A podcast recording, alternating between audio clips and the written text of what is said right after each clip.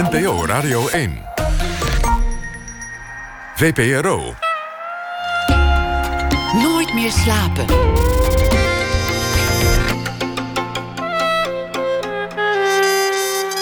Met Hanneke Groenteman. Goedenavond. In deze aflevering van Nooit meer slapen hoort u na één uur onder meer sportjournalist Timo Bruins, die debuteert met een spetterende roman Bloed is dikker dan water. Hoe bepalend is je afkomst? Dat is een van de vragen die het boek opwerpt. In de rubriek Open Kaart beantwoordt Timo Bruins vragen over leven en werk. Aandacht ook voor een ontroerende documentaire over de bekende acteur Michel van Doeselare, die leidt aan een speciale vorm van dementie. En het Zeeuws Museum in Middelburg is een samenwerking aangegaan met de modeontwerpers van Das Leben am Haverkamp. Dit collectief gaven we afgelopen week de reismicrofoon mee. Na één uur hoort u hun verslag. Maar eerst praat ik dit uur met pianist en zanger Ruben Heijn. Goedenavond, Ruben. Goedenavond. Ik, ik vertel even iets over je. Dat is goed. Debuteerde op CD in 2010 met Loose Fit. Had een hit met Elephant. Kreeg prijzen en nominaties voor prijzen. Is een gepassioneerd muzikus. En is net bevallen van een nieuwe CD. Zijn vijfde inmiddels. Groundwork Rising.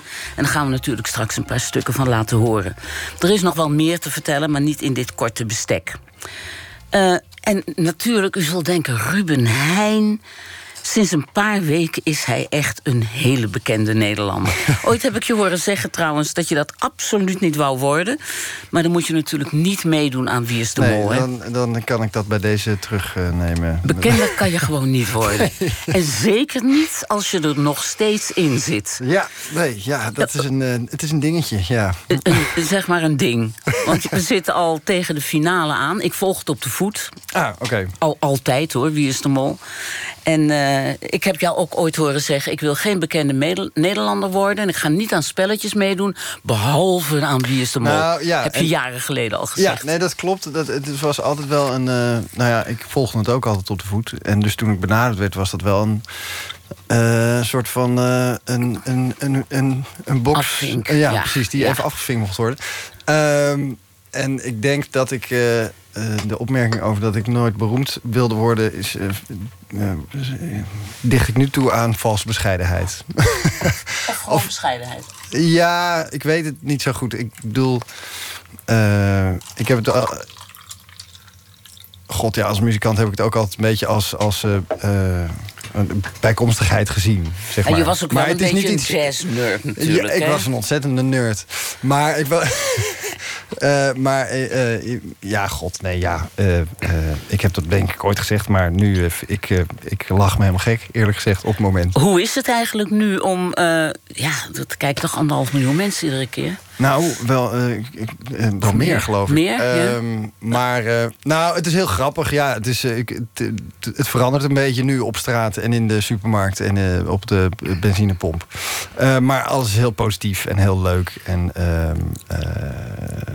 ja, het is, ik, ik, uh, ik benader alles met een lach. En dat is ook. Uh, ja, dat ja. moet ook. En dat Ja. is ook alleen maar heel erg leuk. Het is een meesterlijk programma, vind ik. Ja, mijn, nee, familie, mijn familie die is zwaar verdeeld, hoor. Altijd. Maar de, het, een, groot deel, een groot deel, het zijn er twee, zit op jou. Oké. Maar goed, ik zeg het alleen maar, want jij hebt je getraind... want anders kost het je 2,5 ton, geloof ik... als je je mond voorbij praat.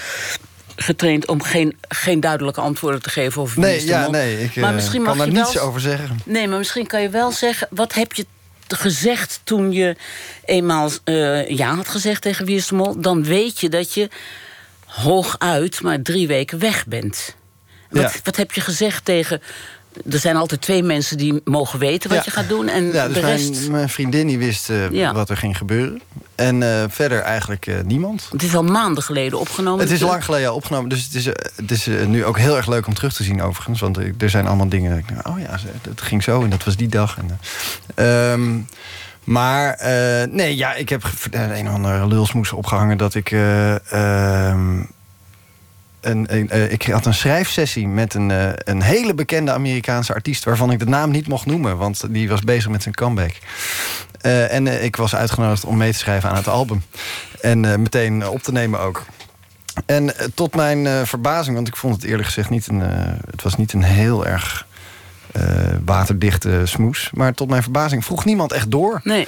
Dus eh, dat was eigenlijk eh, geen Ja, probleem. nee, ik heb ook een familie, een naast familielid gehad die mee heeft gedaan. Hetzelfde Ah. verhaal, die ook eh, een, een smoes opgehangen heeft... waarvan je achteraf denkt, ja, natuurlijk, het klopte ook niet. Maar we geloofden het toch eigenlijk allemaal.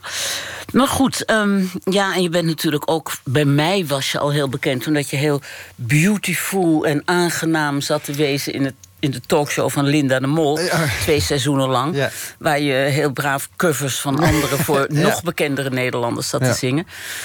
Ik heb altijd gedacht, jij, jij voelt je vast iets te chic daarvoor. Ehm, nee. Nou, ik heb er wel... eh, ehm, laat ik vooropstellen dat ik heel blij ben dat ik gedaan heb. En het was ook heel leuk en het heeft me heel veel gebracht. Maar ik heb er ook wel gezeten met een soort worsteling in mijn eigen hoofd van... eh, is dit de richting eh, die ik wil doen? Of wat, weet je, hoe moet ik me hiertoe verhouden? En daar, ik, misschien was ik er op dat moment nog niet helemaal... Ik wil niet zeggen niet klaar voor, maar dat ik, dat ik dat ik gewoon eh, heel erg zoekende was of zo. Dus dat ik er misschien niet achteraf gezien niet met genoeg overgave in zat. Dus en ik kan me voorstellen dat je dat geproefd hebt. Ja. Nou ja, ik vond het zo verrassend, omdat je beeldschoon bent, vind ik. en het was daar in die Ik, tuin. ik vind dit een heel prettig gesprek. Dit- Tot nu toe is het prettig, maar ik ga straks venijnig toestaan. Nee, nee, hoor, dat, nee hoor. Nee, maar je zat daar heel beautiful te wezen in die nagemaakte tuin van Linda de Mol. Ja. En dan zong je ook nog hele aangename covers Ja. voor leuke mensen. Ja. Dus het klopte aan je stem, was gewoon fijn. En ik kende hem niet toen. Nee, nee. Dus ik vond het verrassend. Nou ja, en dat was, dat was voor mij natuurlijk een, eh, ja, een eh, gigantische kans. En, en eh, die ik eh, natuurlijk wel aangreep. Maar het was... eh, ik merkte eh, bij het tweede seizoen van... Oké, ik heb dit nu twee seizoenen gedaan... en volgens mij moet ik nu weer even iets anders doen. En moet ik gaan zoeken van wat ik nu verder wil. Want anders? Nou, omdat ik eh, ja, toch een beetje de drang voelde om mezelf weer verder te blijven ontwikkelen of zo. Ik, ik, het, het, ik was er nog niet of zo. En, Nee. en, en ik denk dat je dat er nooit bent als, eh, eh, als muzikant of als kunstenaar of als schrijver of weet ik Nee. en, ehm, en het was ook eh, eh, eh, niet per se mijn core business om, om covers te spelen, maar, want ik schreef ook liedjes. Ja. Eh, en dat was meer mijn core business. En je kwam natuurlijk uit de, en daar gaan we het dan nu over hebben, uit de... Gevaarlijke term trouwens, core business, als je het over cultuur dingen hebt. Ja, is dat zo? Nou, business vind ik dan een beetje... Nou ja, daar kan je wel van naar de, naar de supermarkt. Klopt, ja, dat, eh, dat, oh ja, dat, was, dat was het. Dat, ja, je wist, je wist ja. niet meer waarom je het allemaal deed. Nou, misschien toch ook om, om je vrouw en je kinderen te onderhouden. Maar goed, daar ga ik verder niet over. Ehm, of jezelf te onderhouden. Ehm, maar jij komt natuurlijk gewoon uit de, oorspronkelijk uit de echte jazz. De geïmproviseerde jazz. Ja. En, en daar, je, je huidige cd is eigenlijk al Is dat daar ver- verre van? ver van. Ja. Dus- Ehm, nou, het is grappig. Het- ik kom inderdaad. Ik, heb een jazz-achtergrond. Ik heb eh, piano gestudeerd aan het conservatorium eh, in Amsterdam. Maar ehm, het is ook. Ja, ik vind veel meer dingen leuk. Eh, we, we luisterden, er werd heel veel muziek geluisterd thuis vroeger. En eh, daar kwam van alles voorbij. Daar kwam veel klassieke muziek voorbij, maar ook. Eh, Ray Charles, en, eh, maar ook de Beatles en de Beach Boys en de Stones en eigenlijk alles. En Paul Simon, Simon Garfunkel, en de- noem maar op, alles wat mijn ouders eh, in hun jeugd luisterden. En, ehm, Zijn dat nog je lievelingen ook? De Beatles en nou, Paul Simon? die- En Stones? Het zijn wel altijd grappig genoeg dingen waar je op. Het is niet dat ik het dagelijks draai, nu weer. Maar het is wel iets waar je altijd op terugvalt of zo. En daar zit toch wel een soort kernachtigheid in voor mezelf. Van ja, daar ligt toch wel een groot deel van mijn muzikale basis. Eh, dus ja, ik ben veel eh, breder dan jazz. Mijn eigen muzieksmaak, zeg maar. En En kon, dus, je, eh, kon je dan je, je, kwam je aan je gerief op het conservatorium? Nou, mm, ja en nee. In zoverre dat ik er heel veel geleerd heb. En dat ik wel een hele groot deel van mijn eh, eh, jeugd ook daar veel in jazz gestoken heb. Omdat het een hele interessante muzieksoort is. Want er gebeurt ontzettend veel en je leert je instrument goed kennen en, en je kan alle kanten op. En het levert dus ook heel veel diversiteit op. En er is altijd een gevoel van ontdekken en improviseren en vrijheid.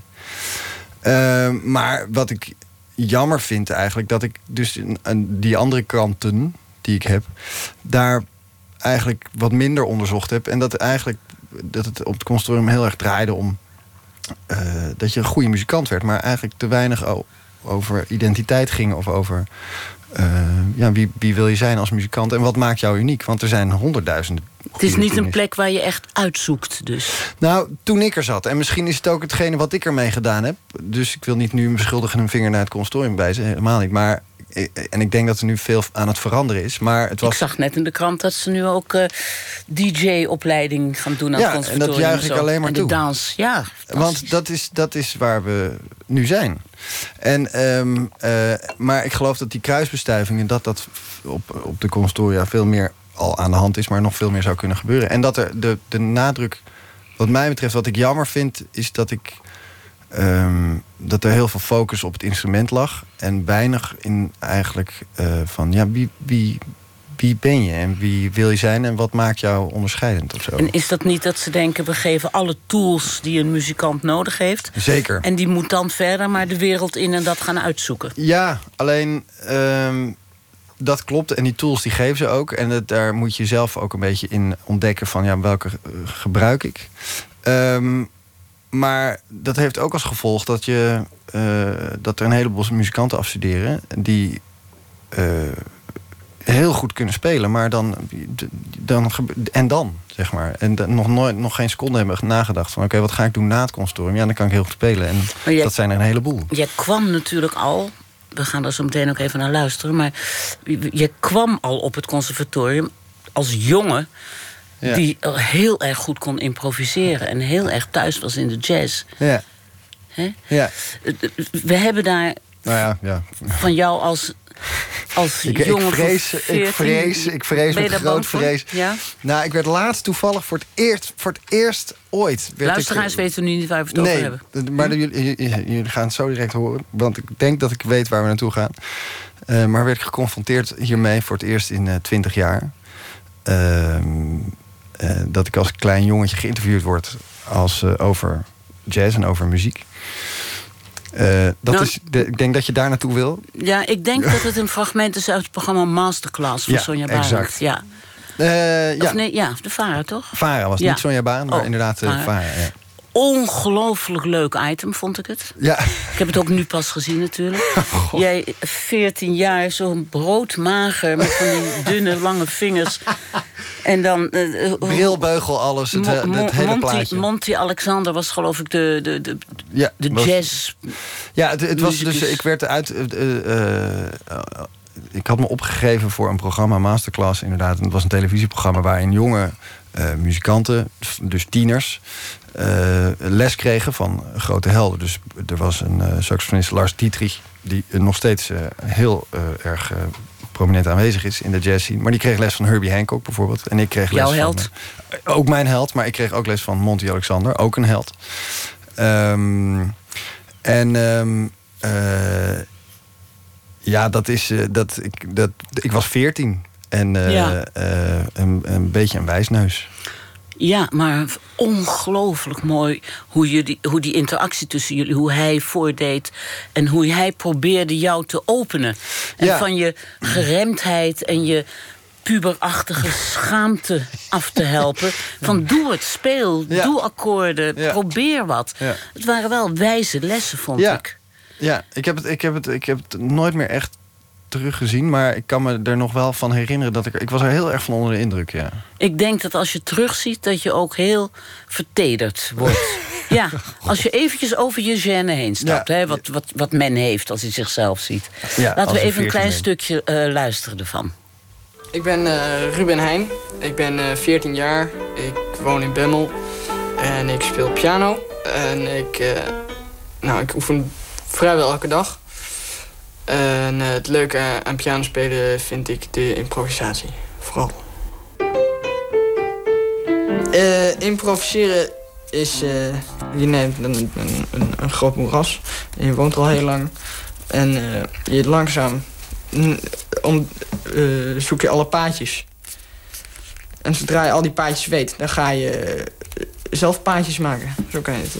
Ja, een mooi voorbeeld.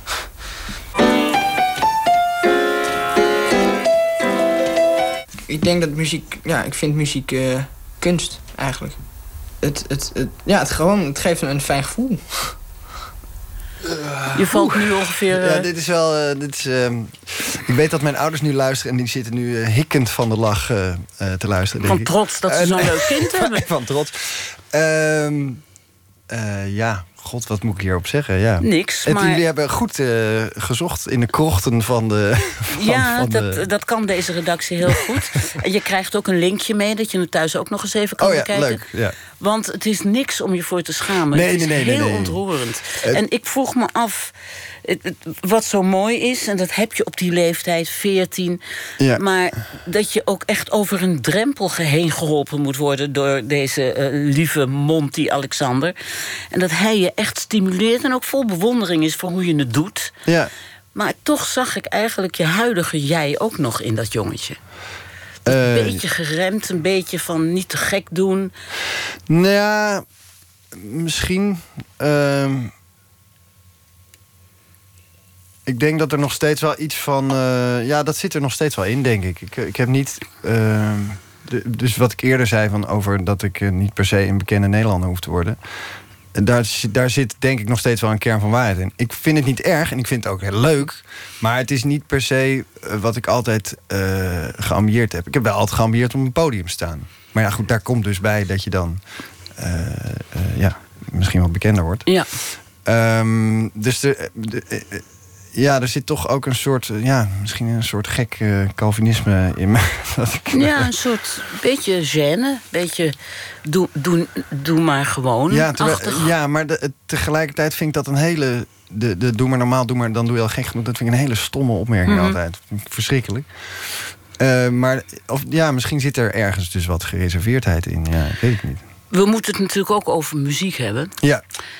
En uh, toevallig uh, zei iemand mij vandaag dat er een bekende uitspraak is van praten over muziek is hetzelfde als dansen over architectuur. Ja. Namelijk niet te doen. Dat is. Uh... Wie heeft dat gezegd, weet jij dat? Geen idee, ja. maar ik vind het wel een goeie. Talking about music is like dancing about architecture, is de oorspronkelijke uitspraak. Van?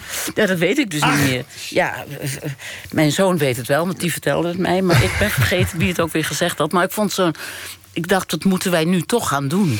Praten ja. over muziek, praten over je nieuwste cd. Ja. Dat is toch het handigst ja. als uitgangspunt. Ja. Want wat is de grondtoon van deze cd? Dat is een, We gaan zo meteen luisteren hoor. Nou ja, de, de plaat heet... Uh, ik zeg al plaat of cd of album. Ja. Um, heet Groundwork, Groundwork Rising. En ik heb heel lang nagedacht over die titel. Want ik was, ik was op zoek naar iets wat een beetje sloeg op... dat ik op een bepaalde manier weer terug wilde naar... eigenlijk naar dat jongetje van 14, waar we het net over hadden. Uh, als, je, als je jong bent uh, en, je, en je luistert naar muziek, dan is alles nieuw. Het maakt eigenlijk geen hol uit wat... Of geen, het maakt er niks uit. Ook wat, geen hol, ja. ja excuus. Ja, maar uh, het maakte niet zoveel uit wat dat dan was. Of dat nou klassieke muziek was of, of, of, of de Eagles uit begin jaren 70, whatever. Um, maar dat was nieuw. En zo ervaarde ik het ook. En het was heel intuïtief. En dat vond ik gaaf of dat vond ik niet gaaf.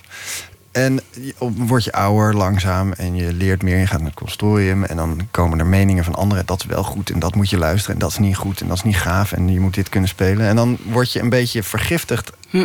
Tussen aanhalingstekens. Door externe factoren. En vergeet je eigenlijk een beetje wat je.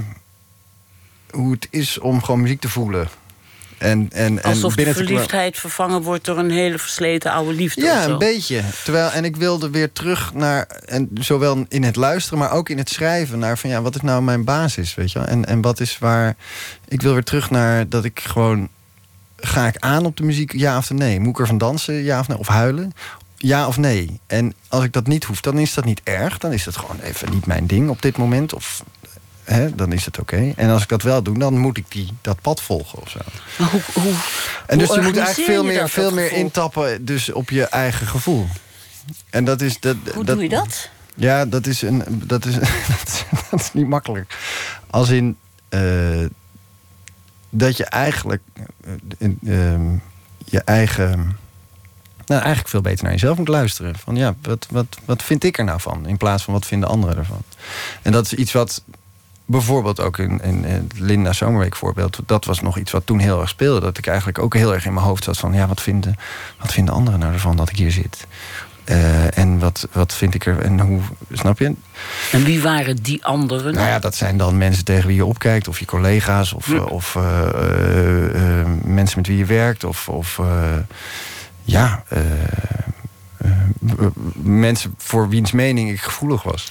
En nu met deze eh plaats, zullen we dan maar zeggen...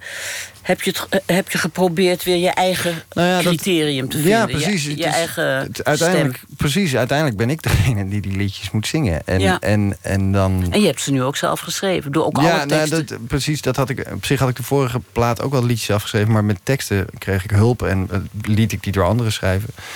En dan zei ik wel altijd in interviews van... ja, nou, ik heb eraan meegeschreven. Maar daar kwam eigenlijk gewoon op neer dat ik erbij zat... en een soort van apengapen van... eh, eh, ja, en dan misschien kunnen we dit nog wel zeggen. En ik had bij deze plaat heel erg het gevoel van... ja, wacht eens even. Als ik dit vol wil houden en als ik door wil gaan... en als ik mezelf wil ontwikkelen en als ik verder wil komen...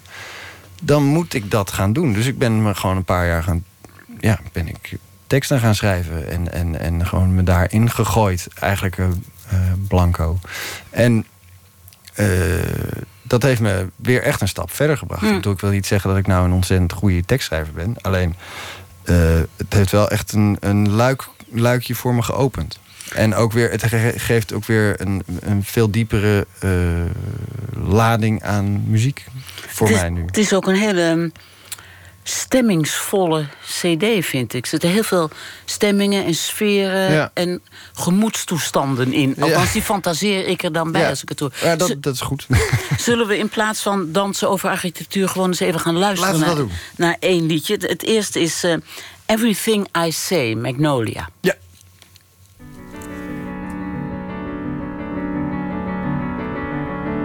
In the light of see you as a beautiful but cavalier magnolia. Soon all your petals will fall and they'll melt away like snowflakes right before you. Oh, magnolia.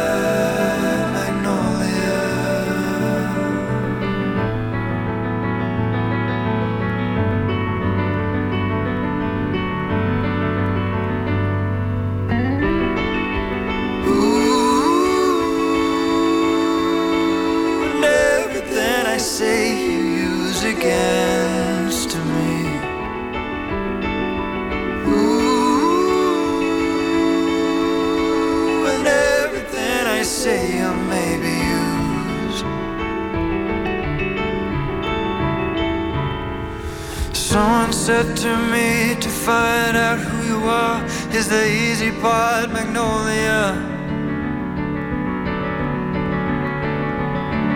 300 species in one kind, which one am I? What did I try to sell you? Oh, memorabilia, memorabilia.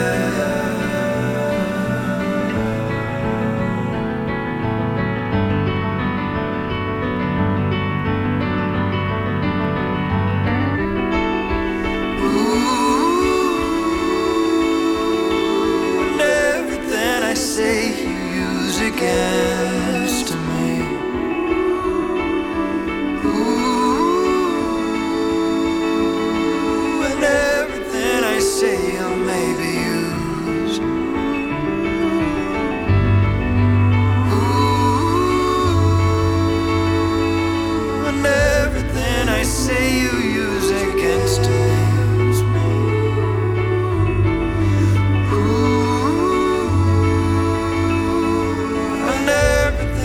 Same.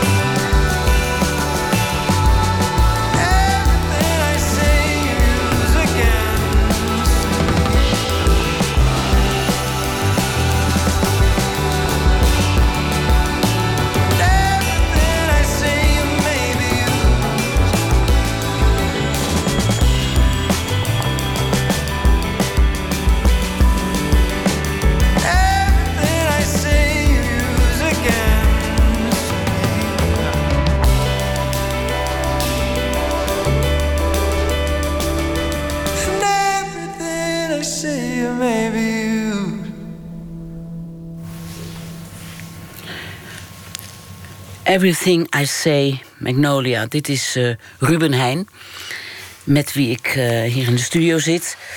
En ehm, dit is van zijn meest recente CD. Heet dat nog een CD eigenlijk? Nou, ik had laatst bestaat had ik zo'n een, eh, ding Ja, nog? zeker. Ik had Oh, laatst, ik had laatst eh, werden ze bezorgd bij me thuis. En dan had ik een pallet met duizend cd's. Oh, die, stond, die stond voor de deur. Die moest ik in één keer ergens kwijt.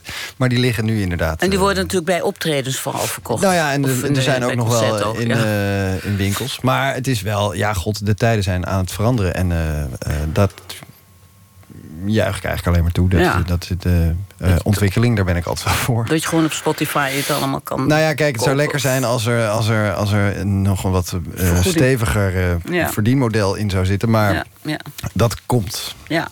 Even, hoe, hoe, ehm, hoe heb jij je stem gevonden eigenlijk?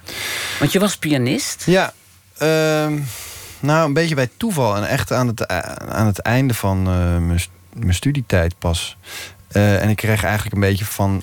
Ik zong wel eens wat achtergronddingen en zo. En, eh, of, of ja, en murmelde wel eens wat mee.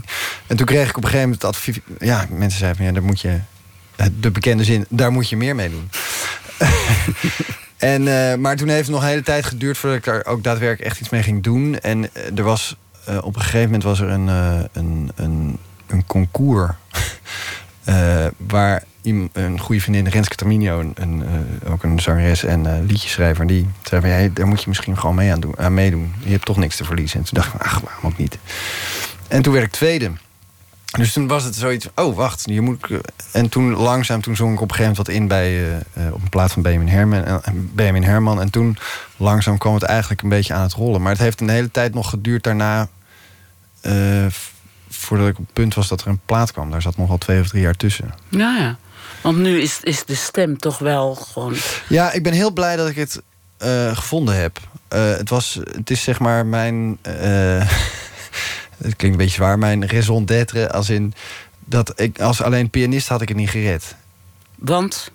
Nou, er zijn gewoon ontzettend veel goede pianisten. En ik had geen idee wat voor eh, kant ik op wilde. En ik was, dan was ik andere pianisten na gaan doen of zo. Of ik, was, ik had een prima leven als muziek. Gewoon als, Ja, want je als- speelde veel mee en in Ja. ensembles en Ja. dingen. Ja. Precies, maar dan was ik toch niet op het punt gekomen waar ik nu ben. Nee. En, en, en ik blijf het, een, een, het zingen een hele fijne eh, uitlaatklep vinden. En het is ook op een bepaalde manier komt het wat makkelijker dan het pianospelen. Pianospelen moet ik echt voor werken. Daar moet, daar moet ik ook bijhouden en dat doe ik niet. En daar ben ik te lui in. En dat zingen, dat gaat allemaal iets. eh, mm, ja, dat komt iets natuurlijker of zo. Dat is er gewoon altijd. Dat is er, ja. Dat is er gewoon Hè? altijd. Tenzij Zelfs- ik verkouden ben of dat soort Ja. dingen. Maar Hey, en als je nou zo'n ehm, zo'n zo'n heel repertoire weer samenstelt hè, voor deze CD. ja. En er zal wel veel meer zijn, je zal meer hebben dan, dan dit. Hoe, hoe, hoe gaat dat eigenlijk? Ga je dan eh, een maand op een berg zitten? Of, eh, Nou ja. ehm, of als je je kinderen naar bed brengt, dat je ze voorzingt? Of hoe gaat het eigenlijk? Nee, dat, die, die truc heb ik nog niet gedaan. Maar is wel een goede trouwens. Hoe oud zijn ze? Eh, drie en anderhalf. Oh Dus ja, ze zijn dan nog heel kunnen ze nog, zijn ze nog het slachtoffer Ze geworden. zijn nog, ja. Dan kan je nog doen wat je wil. Ja. Ja, precies. Nee, maar het, eh, wat wel zo was, dat ik op een gegeven moment merkte van ja, ik moet me even een beetje afzonderen. Wil ik dit af kunnen maken, dan moet ik even de tijd nemen om echt eh, wat grondiger zelfonderzoek te kunnen doen. Dus toen heb ik me een beetje afgezonderd, of een beetje afgezonderd. Ik heb gewoon een paar keer ben ik in een huis van vrienden gaan zitten waar een piano stond. In een, in een bos in de buurt van Putten. En daar, daar ha- had ik geen, niet de dagelijkse dingen waar die afleidend waren. Dus ik hoefde niet kinderen uit de crash te halen of boodschappen te doen of, of weet ik veel. En eh, bij mij werkt het toch zo dat als ik een liedje schrijf, dan. eh, ik heb daar even de tijd voor nodig. Dus dan, en dan is blijven zitten is eigenlijk het devies. Hm. Dus. eh, En, en nooit in paniek raken van... Mm, jawel, soms. Ja, zeker. En dat gaat dan ook in... Ik bedoel, het is niet zo dat ik, hele, dat ik heel erg eh getroubleerd en eh, eh, depressief werd of zo. Maar het is, met periodes is het heel erg frustrerend. Want Nou. dan kom je er niet uit. En ook op, op een dag dat ik dan in dat, dat bos zat... eh, dan ging je eigenlijk door allerlei emoties heen op zo'n dag. Want dan heb je op een gegeven moment een idee en dan, oh ja, dit is goed. En dan kom je een beetje verder en dan, ja, hm, ik zit nu een beetje vast. En dan zit je, weet je ook van, nou, de komende paar uur zit ik vast. Dus dan, en dan sta je dus eigenlijk een paar uur uit een raam te staren. eh, broedend op een goed woord of, of op een volgende akkoord. Of de, Hmm. wat, oké, wat de- die melodie is nog niet goed. Wat, wat mist daaraan? En, en wanneer... En dat is het fijne dan, dat je dan kan blijven zitten, zeg maar. Dat, Dus Ja. dat je niet afgekapt wordt ja, ik moet om vijf uur ook weer weg, zeg maar. Want dan is het ook, dan vervliegt het natuurlijk. Of dan ja, dan vervliegt en dan raak je uit de concentratie. En is het ook zo dat wanneer wordt zo'n zaadje geplant? Is het als je op de fiets zit dat je even iets inzinkt in je telefoon? Of Mm. Ja, hoe, hoe ook. werkt dat toch? Ja, ik kan dat helemaal Het- niet. Dus het, eh, hoe, ontstaat een idee? Of een, of een is het een nou ja, het ja. is zijn het woorden of is het de muziek wat ontstaat? Ehm, verschilt. Het, eh, vroeger had ik heel erg dat ik eerst echt het liedje afmaakte, muzie- muziek, en dan begon ik aan een tekst. Of dan begon dus ik samen met iemand, of begon iemand anders Ja. aan een tekst. Ja. En dat, daar ben ik heel erg van afgestapt, want dat, dat werkt niet. En dat is ook niet. eh, het is helemaal niet. Dat is niet zo organisch of zo. En, eh, eh, dus nu is het. Ik begin wel vaak achter piano of een ander instrument. Maar eigenlijk vrij snel ga je al met tekst aan de gang. En dat begint dan soms met gewauwel. En dat een woord of zo, dat ligt lekker. En dat je gaandeweg van, oh, misschien gaat het liedje hier eigenlijk En is het ook wel eens een uiting van een emotie? Tuurlijk, alleen maar. Alleen maar. Nou ja, of een, een uiting van emotie of een, een, een vraag waar je mee worstelt of een, eh, iets wat je, waar je tegenaan loopt. Eh, nee, het is, het, is, het is eigenlijk heel erg eh, intuïtief en op gevoel. Wat is de grondtoon van deze CD, vind jij? Qua waar het over gaat? Ja? Nou, ik weet niet. Ik, weet, ik heb niet het idee dat ik nou heel bewust een, een, een soort thema heb gekozen. Alleen ik merk wel als ik de teksten voor mezelf teruglees dat ik, zonder dat ik nu uit ga leggen waar alles over gaat, maar dat ik eh, dat er toch blijkbaar dingen waren die wat terugkerende thema's waren. Te weten? Ja, ga ik het toch uitleggen. Nou ja, uitleggen is dat niet. het is Nou, gewoon praten erover. Ja, maar ja, dat is, het schijnt een beetje zoals dansen op eh, architectuur te Ja, zijn. ja. Volgens Steve Martin hebben we net Steve begrepen Martin van een, hebben we eh, net gehoord, van, ja. van Ja. een eh, nou, eh, eh, eigenlijk wa- waar de plaat ook voor staat. Wie ben ik? Wat wil ik zijn? Welke kant wil ik op? En zijn de keuzes die ik maak, zijn dat de goede keuzes? Dat Het zijn een beetje dat- bespiegelingen. Ja, het is Ja. bespiegelend. Ja. Ja, ja, ja. En ehm, ja, de, de, de domste vraag van de eeuw. Waarom altijd in het Engels? Dat is een hele goede vraag. Ehm, ik, het, eigenlijk niet eens een hele bewuste keuze. Ik zou Alleen- jou zo graag in het Nederlands willen horen zingen, weet je dat? Ja, ik vind dat. Ja, ik heb het wel eens gedaan en het hangt heel erg af van het liedje. En ik, eh, eh, maar ik denk dat het toch ook komt dat de meeste muziek waar ik zelf naar luister, dat het in het Engels is. En, het is, en ik, vind het een, ik vind het een mooie taal. En ik sluit niet uit dat ik nooit in het Nederlands zal zingen. Maar. eh, En ben je net zo vrij in het Engels als in het Nederlands? Nou, nee, want het is niet mijn moedertaal. Dus ik moet wel even, ik moet, je moet bij elke zin wel even checken van klopt dit? Kan ik dit wel zeggen? En slaat dit überhaupt ergens op? Dus daarin, eh, dat is natuurlijk een beperking. Maar tegelijkertijd, waar ik dan weer niet last van heb... is dat ik in, als ik in het Nederlands schrijf... want het gebeurt wel eens dat je voor anderen of weet ik veel wat... eh, dat je in, in het Nederlands schrijft... dat je in het Nederlands meteen bij alles denkt... nee, dat is zo'n cliché. En, omdat je de taal eigenlijk bijna te goed kent. En dat je daar in het Engels hoef ik daar dan niet echt bang voor te zijn. Want de, Ja, dat vind ik ook een beetje de veiligheidsklep. ja, misschien, ja. Ja. ja. Hey, en zullen we nog eens een nummer doen? Ja, dat is, ik, Want ik vind het eigenlijk zo leuk om, Ja, nee, ik vind het gewoon leuk om een paar nummers van die CD eh, Ja. te horen. En eh, het volgende nummer heb ik hier staan. Ik weet niet of jij het daarmee eens bent. Je kan ook een ander kiezen, misschien Juggler. Ja hoor, Ja? kom maar op. Wat betekent Juggler? Een juggler is een, een jongleur eigenlijk. Ehm, ja. Oké, jongleur, Juggler, Ruben Heijn.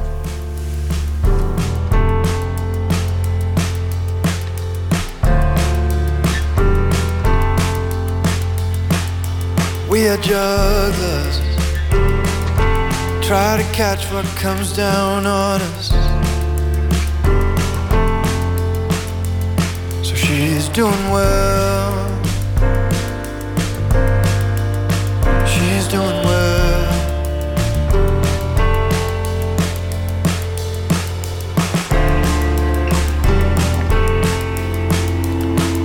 Here comes summer.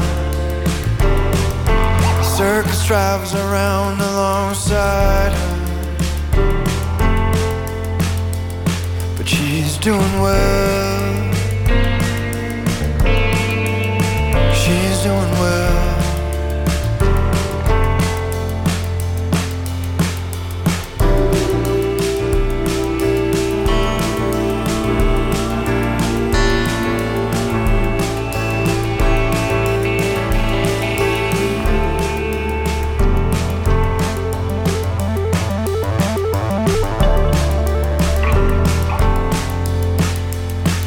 Season's over. I think it's time to salute the ringmaster. Cause she's doing well. She's doing well. She's doing well.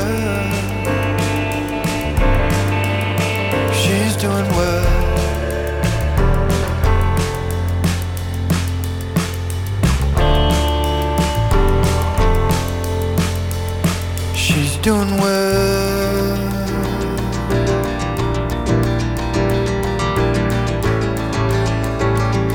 She says she's well, but part of her is aching. She's doing well. Crashing down. Words come crashing down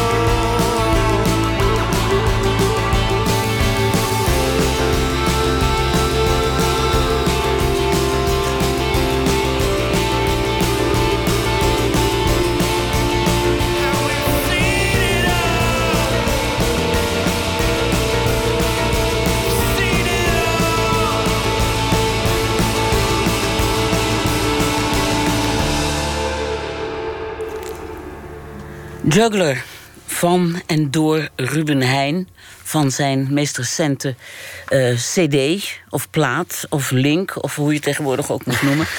Ruben, we hebben het gehad over eh, overal heel veel eigenlijk. Ehm, over, over je. je over je, nou, nog niet over je jeugd. Daar komen we zo meteen nog even op. Maar wel over het schrijven en over Ja. ideeën. En, Ja. ehm, ik, ik vroeg waarom eh, je niet in het Nederlands zingt. Wat, wat mij persoonlijk, dat is mijn smaak. Ik zou dat heel leuk vinden. Jij zei ja, ik, het is niet helemaal mijn smaak. En misschien vind ik het ook een beetje gevaarlijk. Of wat zei je ook? weer? Een Nou beetje- ja, het is, het, eh, het is gevaarlijk, maar ook dat, ik, dat je bijna de taal te goed kent. En ik bedoel, eh, ik, zal vast nog veel meer in het Nederlands kunnen leren, maar dat je, al, dat je dus. ehm, eh, het, ik heb het gevaar voor clichés ligt bij mij dan altijd op de loer. En dat, en, dat, en dat gevoel heb ik wat minder in het Engels. En bovendien is het een, wat ik net al zei, het is, het is een. Ja, ik ben totaal niet opgegroeid met Nederlandstalige muziek. Het was altijd Engelstalig of ook wel Frans en Duits. Maar dus dat, dat ja, het ligt niet. Het is niet mijn eerste keus. nee. Zo. En we hadden het ook nog even tijdens de muziek. eh, Terwijl over- ja, wij zaten nog even verder te kletsen. Ja, want jij kent die nummers al heel goed. En ik heb ze eigenlijk ook al vaak gehoord inmiddels. Even eh, over Paul Simon hadden we het, hè? Die binnenkort voor zijn zoveelste afscheidstournee weer naar Nederland Ja. komt. Waar ik dan zeker bij zal zijn. Maar dat is ook een held van jou van Ja. vroeger thuis. Ja, ja. En hij had iets. Nou, het, het, eh, we hadden het eerder ook al over inspiratie en over hoe je schrijft. En eh, ik ontdekte op een gegeven moment een filmpje van hem op YouTube. Dat hij geïnterviewd wordt ergens in de jaren zeventig. En daar eh, legt hij uit over. Daar wordt hem gevraagd van hoe schrijf je. En dan ehm, begint hij nou, ik zal het je uitleggen. Ik ben bezig met een liedje. En eh, ik heb het eerste twee aatjes geschreven. Ik moet nog de bridge schrijven, maar ik weet nog niet hoe. En ik zit vast. De En ik- bridge is... De brug of de... De, de, de, De overgang naar de een overgang volgend stuk. volgende- Precies. En hij eh, begint vervolgens Still Crazy After All These Years te spelen... wat later een van zijn grootste hits zou worden. Eh, en hij speelt de eerste twee aatjes. En dan komt hij tot het punt waar nu de bridge is. En dus dus dat four in the morning, crapped out yawning, dat gedeelte. Maar dat heeft hij dan nog niet. En dan legt hij uit van, nou, dit zijn mijn keuzes. En eh, deze, deze, deze, deze noten heb ik allemaal gebruikt. Eh, behalve in de toonladder, behalve eh, C en D of zo, zegt hij dan. Dus die moet ik daar gebruiken. in de bridge, want dan is het... it will sound refreshing to the ear. En ook textueel zegt hij... van, ja, ik heb eigenlijk alles al gezegd wat ik wilde zeggen. Dus ja, waar ga ik nu heen? En ik, hij heeft, het is een filmpje van vier minuten... en daar maakt hij vier opmerkingen in waar ik nog steeds op teer. Oh ja? Ja, eh, eh, gewoon. eh, en dat ik, wat ik ook heel prettig vind, is dat, dat ik eruit merk van ja, het is niet alleen maar schier talent wat daar ook natuurlijk. eh, en het talent is met name ook dat hij zijn ideeën herkent, denk ik. Maar dat het ook gewoon puzzelen is, een arbeid en gewoon zitten en en en en en en, en ja. Construeren Ja, en- maar ja. Daar, daar steekt heel veel tijd en moeite in. Het, is, het komt niet alleen maar zo pats uit de lucht vallen of zo. Het is, er zit echt een structuur in. En als je van die vier minuten Paul Simon zo ontzettend veel hebt geleerd eigenlijk... of dat heeft iets in je... Heb je ooit... Heb je op het conservatorium ook echt les gehad in het constru- vier jaar. Nee. in, construeren van songs? Nou, je bent een songwriter. Ja, maar dat heb ik me toch een beetje iets meer mezelf aan moeten leren. En van anderen en met, door te schrijven en het door maar gewoon te doen. Dan dat ik het op het const. We hadden wel. Er waren wel lessen waarin je composities moest maken. Maar dat was toch op een ander. Het waren ander soort composities ook. Dus niet echt pop en met tekst of zo. Hmm. Dat was dan op een andere manier. En die, die vakken waren er wel, maar die. Ja, dat Is het dat een serieus, serieuze kant of is dat meer op de popacademische zo? Dat je gewoon leert songs schrijven gewoon. Zoals je dat nu van Paul Simon even heel toevallig Ja. op een YouTube-filmpje hebt gezien. Is het nou, een, een, het, het schrijven van songs, het construeren, het, het rangschikken van de noten. Ja, nou ja, dat is wel. Ja, dat is. Het is ik vind het altijd eh, eh, een beetje onzin als mensen zeggen van... eh, oh ja, dat liedje heb ik echt in vijf minuten geschreven en bla bla bla. bla. Dat, ja, ik, ik geloof daar niet zo heel erg in. Tuurlijk, het ene liedje komt makkelijker dan het andere liedje. Maar eh, het, is, het is puzzelen. Het is gewoon, en dat vind ik ook het leuke eraan. Het is gewoon, het is kneden. Het is met klei. En je gaat een poppetje maken. En eh, dan kom ik weer net als toen ik 14 was met een of andere hele rare metafoor. Maar je moet, het is, ja, kneden. Ja. Net zo lang totdat het perfect is. En het is nooit perfect. Dus op een gegeven moment zou je moeten zeggen... oké, ik haal nu mijn handen ervan af. Lijkt moeilijk, is moeilijk, hè, dat Ja. moment. Ja. Was dat ook moeilijk met deze Ja, ik, dat, heb ik de hele tijd, dat stelde ik ook de hele tijd uit. Dus, eh, dus daarom heb ik er ook zo lang over gedaan. Ja. hey, en eh, je hebt dus een. Dat zie je gewoon als je jou aan die piano ziet. Hoe, hoe die, die dunne vingers van jou op die toetsen. Dat is gewoon een heel groot muzikaal talent. En Je zegt steeds, vroeger thuis luisterden we veel naar muziek. Ja. Maar is er ook iemand in jouw familie die dat talent Nee, heeft? ja, nee, zeker. Mijn, mijn, eh, mijn, mijn zus die eh, speelde klassiek piano en die zong klassiek. En mijn vader die speelde blokfluit, heel fanatiek. Eh, die is net ook weer begonnen, heel fanatiek. Dus die, Op die heeft- blokfluit? ja, die, heeft het weer, die pakt, het, pakt het weer op. En eh, nee, dus er werd wel veel muziek gemaakt. Alleen ik maakte net een andere. Ik nam net een andere afslag. Dus die klassiek, Ja, ja. dat liet ik allemaal een beetje aan me voorbij gaan. En ik ging meteen naar Ray Charles. Ik, vanochtend stond er een stuk in de Volkskrant over de hersens. Wetenschappelijk onderzoek dat de hersens van mensen die klassiek Ja, spelen... ik heb het gelezen. ja. anders werken dan eh, van muzikanten die improviseren. Ja, het was geloof ik een artikel inderdaad wat ging over dat, eh, dat je dus als klassiek muzikus, pianist, kon je eigenlijk niet eh, jazz spelen en Nou, andersom. Daar kwam het een beetje op. Jarrett kon dat niet, maar anderen zeiden weer dat ze dat wel konden. Ja, het is, het is gewoon een andere tak van sport. En wat ik wel interessant aan het artikeltje vond, was, of artikeltje, artikel Ja, vond, nou. dat het, er werd in gezegd dat ja, het is, het is gewoon een andere discipline. Eh, eh, klassiek is een interpretatie van, en daar kan je dus je eigen, wel je eigen gevoel, maar dat is wel een interpretatie van iets wat al geschreven is. En eh, in de improvisatie in de jazz, ja, daar eh, heb je die volledige vrijheid. En moet je dat eigenlijk zelf verzinnen. Ja. En er is verder niet een onderscheid in wat beter of slecht is. Alleen het is gewoon een andere... Maar de andere delen van je hersens worden geprikkeld. Ja. Hey, en eventjes over... Um, dat ik vroeg, is er ook zo'n talent? Ik weet dat jouw vader ook behalve uh, arts, geloof ik, gynaecoloog... ook een heel verdienstelijk schrijver is. Ja, zeker. En beeldend kunstenaar. Ja, ook nog. Ja. En dus ook nog een blokfluiter. Ja, hij is... Uh, Wat is dat voor een man, zeg? Of dat we wel, ja, wel kunnen zeggen... Dat Speelt je moeder ook een instrument? Nee, ik, uh, ze, nee, maar ze speelde... Ze kan, ik weet dat ze piano kan spelen en ik weet dat ze kan zingen. Ja. Alleen, ze, ik denk dat ik mijn bescheidenheid dan van haar heb. Maar ehm, nee, ja, hij is echt een... de verpleegster die met de dokter is getrouwd. Ja, precies. Ja. En uh, nee, maar... Uh,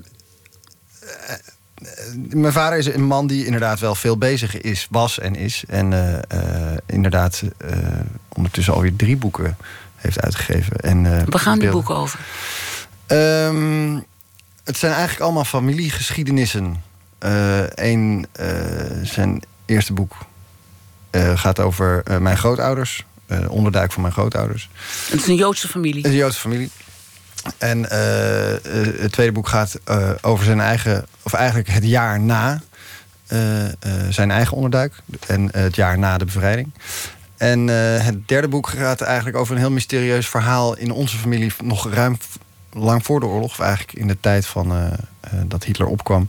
Dat er een moord werd gepleegd in onze familie. Die, waarvan nooit helemaal duidelijk is geworden waarom die moord nou is gepleegd. Dus hij, het zijn allemaal. Hij is heel erg op zoek gegaan naar ja, waar, wie, wie, wie zijn die heinen eigenlijk. Hmm. En dat is nog allemaal wel heel erg oorlogsgeschiedenis dus. Ofwel ja. de, voor de oorlog, ja. in de oorlog, ja. onderduik, na de oorlog. Ja. Ja. Speelde dat een grote rol bij jullie thuis?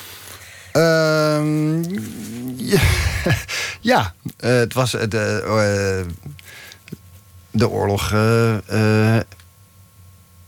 hoe zou ik het zeggen? Heeft, heeft nog wat langer doorgewoed dan dat hij daadwerkelijk was bij, in de familie Heijn. Maar dat was nooit een taboe of zo. Het was, het was altijd heel open. Is het een smartelijke geschiedenis, jullie, jullie familiegeschiedenis? Bedoel, zijn er veel mensen vermoord? Is de onderduik pijnlijk geweest? Ja, natuurlijk. Ja, dat is, ja, dat is, natuurlijk. Nou ja, uh, uh, uh, ik geloof dat we wel kunnen zeggen dat voor veel Joodse gezinnen de Tweede Wereldoorlog een, altijd een lastig onderwerp is. Um, maar soms werd er helemaal niet meer over gepraat. Nee, alleen bij ons was het, een, was het nooit, wat ik al zei, het was nooit een taboe. en ik ben dus ook heel blij en trots dat hij die boeken daarover geschreven heeft. Want het voor mij persoonlijk ook uh, dat ik, ik heb nou gewoon eigenlijk een heel mooi verslag van een heel belangrijk gedeelte van mijn familiegeschiedenis. Um, en dat kan ik dan ook weer aan mijn kinderen doorgeven. Dus het is nooit een, een. Er is altijd openheid over geweest. Ik bedoel, het was niet altijd leuk, het was niet altijd vrolijk natuurlijk. Maar er was. Uh, het is nooit. Ik hoor ook wel eens gezinnen waar. Uh, waar dan mensen dan na de dood van hun ouders zeggen van ja ik kwam er eigenlijk toen pas achter wat er allemaal gebeurd is. En dat is bij ons gelukkig uh, helemaal niet het geval. Nee, dus er is, het is wel altijd aanwezig geweest, ja. En, en deze... ik, vind ook, ik merk trouwens ook, het is heel grappig... want ik heb het hier eigenlijk nooit in interviews over gehad. Uh, niet omdat ik me voor schaam, maar ook of zo. Of, maar het is, ik merk dat ik ook weer denk van... oh ja, grappig, dit is, dit is nieuw voor mij of zo, om het hierover te hebben. Ja, ja het, het komt ook natuurlijk omdat ik ongeveer de geschiedenis van jouw vader heb. Ja, jullie zouden eens koffie moeten drinken. Hè? Gezellig. Gezellig onderduikers onder elkaar. Ja, onderduikers onder elkaar. Ja. Lekker verhalen ja. uitwisselen. Ja, nou ja, goed. Nee. Maar ik wil ook heel graag het boek van je vader lezen. Maar daarom boeide het, zag ja. ik het opeens. En uh, ik dacht, speelt dat eigenlijk zo'n hele geschiedenis... ook in je werk, werk. nu nog door? Mm, nou... Um, ja, een beetje misschien. Ik denk dat ik wel in mijn, uh, mijn teksten... Dat, ik, dat er dingen in verweven zijn die ernaar verwijzen of zo. Maar dat is dan zo... Uh, dat weet ik, maar dat weet, uh, dat weet verder niemand. Zeg maar. En dat hoef ik ook... Ik hoef niet nu aan te gaan wijzen van... nou, dat gaat daarover of daarover. Maar er zijn... ik neem het wel mee. En ik, dat is ook wel in, in, in het schrijfproces. ehm, ga je soms wat dieper dan dat je eigenlijk wil. Of zo, in je eigen hoofd. Niet dat Hoe bedoel je dat? nou, je, je- ik kreeg op een gegeven moment het advies van Finn Greenall, de frontman van Fink, waar, waar ik mee, veel mee gewerkt heb. Die een Engelse singer-songwriter. Eng- Engelse singer-songwriter, allemaal in het Engels. Maar die zei ook van ja, je, je, je moet soms wat dieper graven eh, dan je lief is. En dat betekent niet dat je daar per se over hoeft te schrijven. Het hoeft niet te betekenen dat je meteen je allerdiepste, donkerste gedachten opschrijft. Alleen dat is wel waar de sap zit, zeg maar. That's where the juice is. En ehm, eh, dat vond ik heel erg bevrijdend. Omdat ik dan in één keer... Er zijn altijd wel de luikjes in je hoofd... waar je eigenlijk niet aan durft te zitten. Ook bij jezelf. Dat je denkt, ja, daar ga ik maar niet aan denken. Want dan...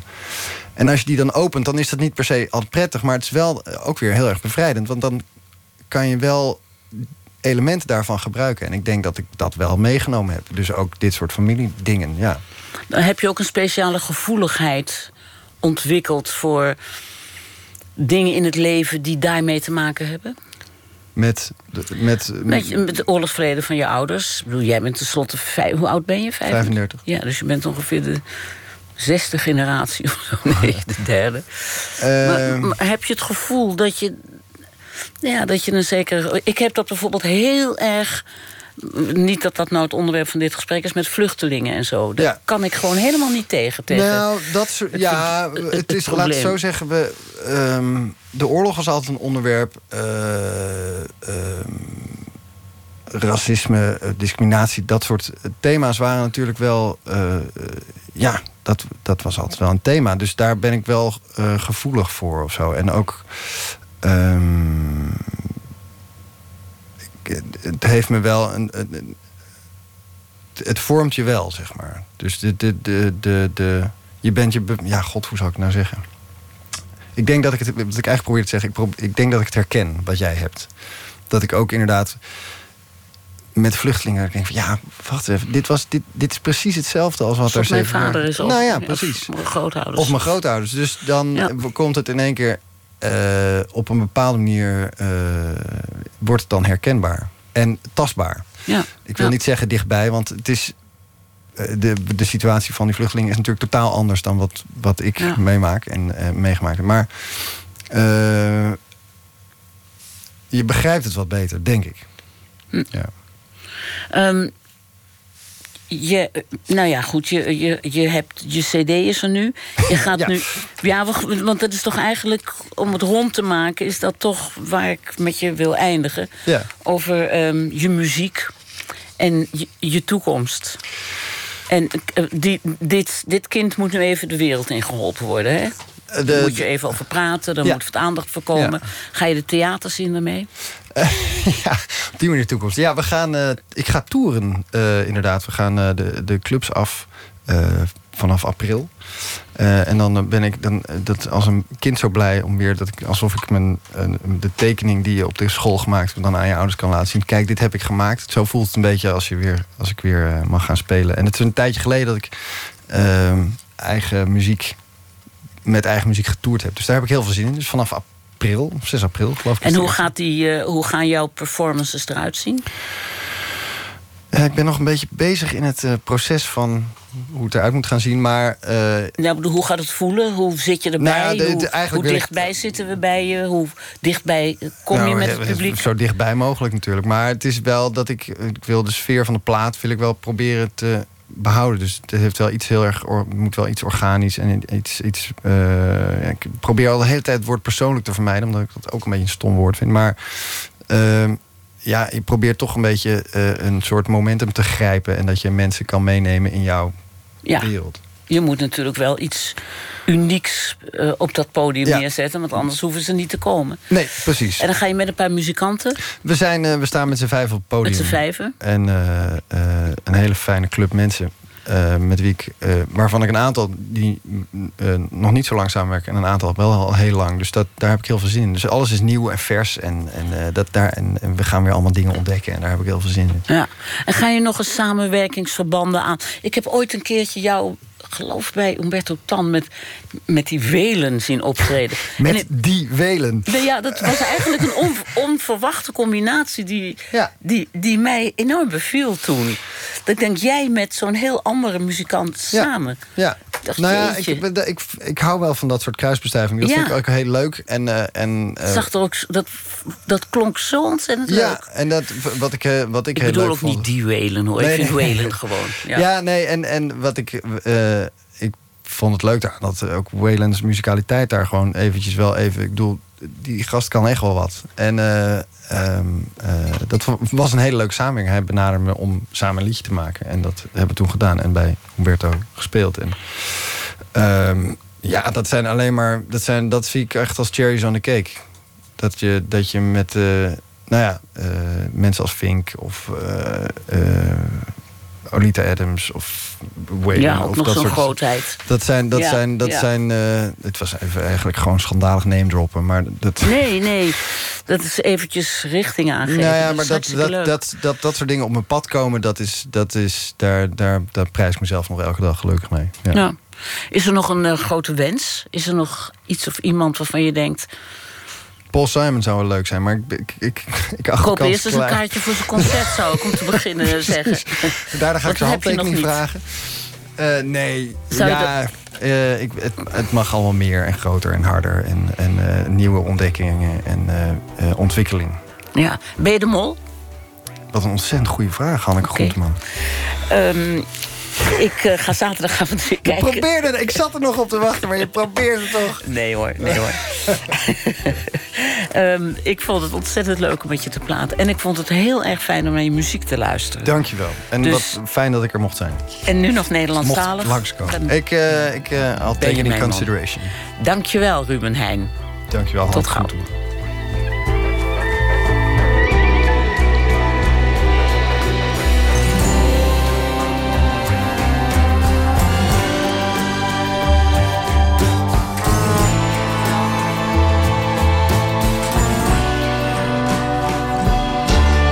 Radio 1. Het nieuws van alle kanten.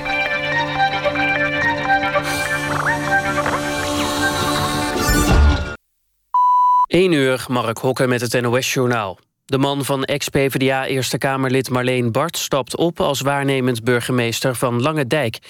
D66er Jan Hoekema vertrekt volgens regionale media vanwege de ophef over de woning in Wassenaar waar hij met Bart woont. Als reden voor zijn vertrek noemt Hoekema de discussie die in de media is ontstaan over de overeenkomst die hij sloot met de gemeente Wassenaar. Bart en Hoekema bedongen dat ze na Hoekema's afscheid als burgemeester van Wassenaar tegen een lagere huur in de ambtswoning mochten blijven wonen. Vorige week stapte Marleen Bart onder meer vanwege deze kwestie op als fractieleider van de PvdA in de Eerste Kamer. De vier grote steden willen dat het kabinet haast maakt met een besluit over een verbod op knalvuurwerk en vuurpijlen. De Haagse burgemeester Krikke schrijft dat mede namens haar collega's uit Amsterdam, Rotterdam en Utrecht aan minister Grapperhaus en staatssecretaris Van Veldhoven. De Onderzoeksraad voor Veiligheid pleitte eind vorig jaar voor een verbod op pijlen en knalvuurwerk, omdat die elke jaarwisseling veel letsel en overlast veroorzaken. Volgens de vier grote steden is een snel besluit van het kabinet nodig, omdat gemeenten al vroeg beginnen met de voorbereidingen op de jaarwisseling. De 19-jarige man die vastzit voor de dodelijke schietpartij op een school in Florida heeft banden met een wit-nationalistische groepering. De leider van de groep, Republic of Florida, heeft gezegd dat de man meedeed aan paramilitaire trainingen. De groepering streeft naar een onafhankelijk Florida met witte inwoners. Het Tweede Kamerdebat over de afschaffing van het raadgevend referendum is na uren debatteren geëindigd in een schorsing. De oppositie eist eerst een brief met een uitgebreidere toelichting op de opvatting van het kabinet dat over de afschaffing van het referendum geen referendum kan worden gehouden. Het debat gaat na de brief volgende week dinsdag verder. Het weer, opklaringen en soms wat bewolking. Het blijft droog en de temperatuur daalt tot rond het vriespunt. Overdag schijnt de zon geregeld, met name in het westen. Het wordt dan zo'n 7 graden. Dit was het NOS Journaal. NPO Radio 1. VPRO. Nooit meer slapen.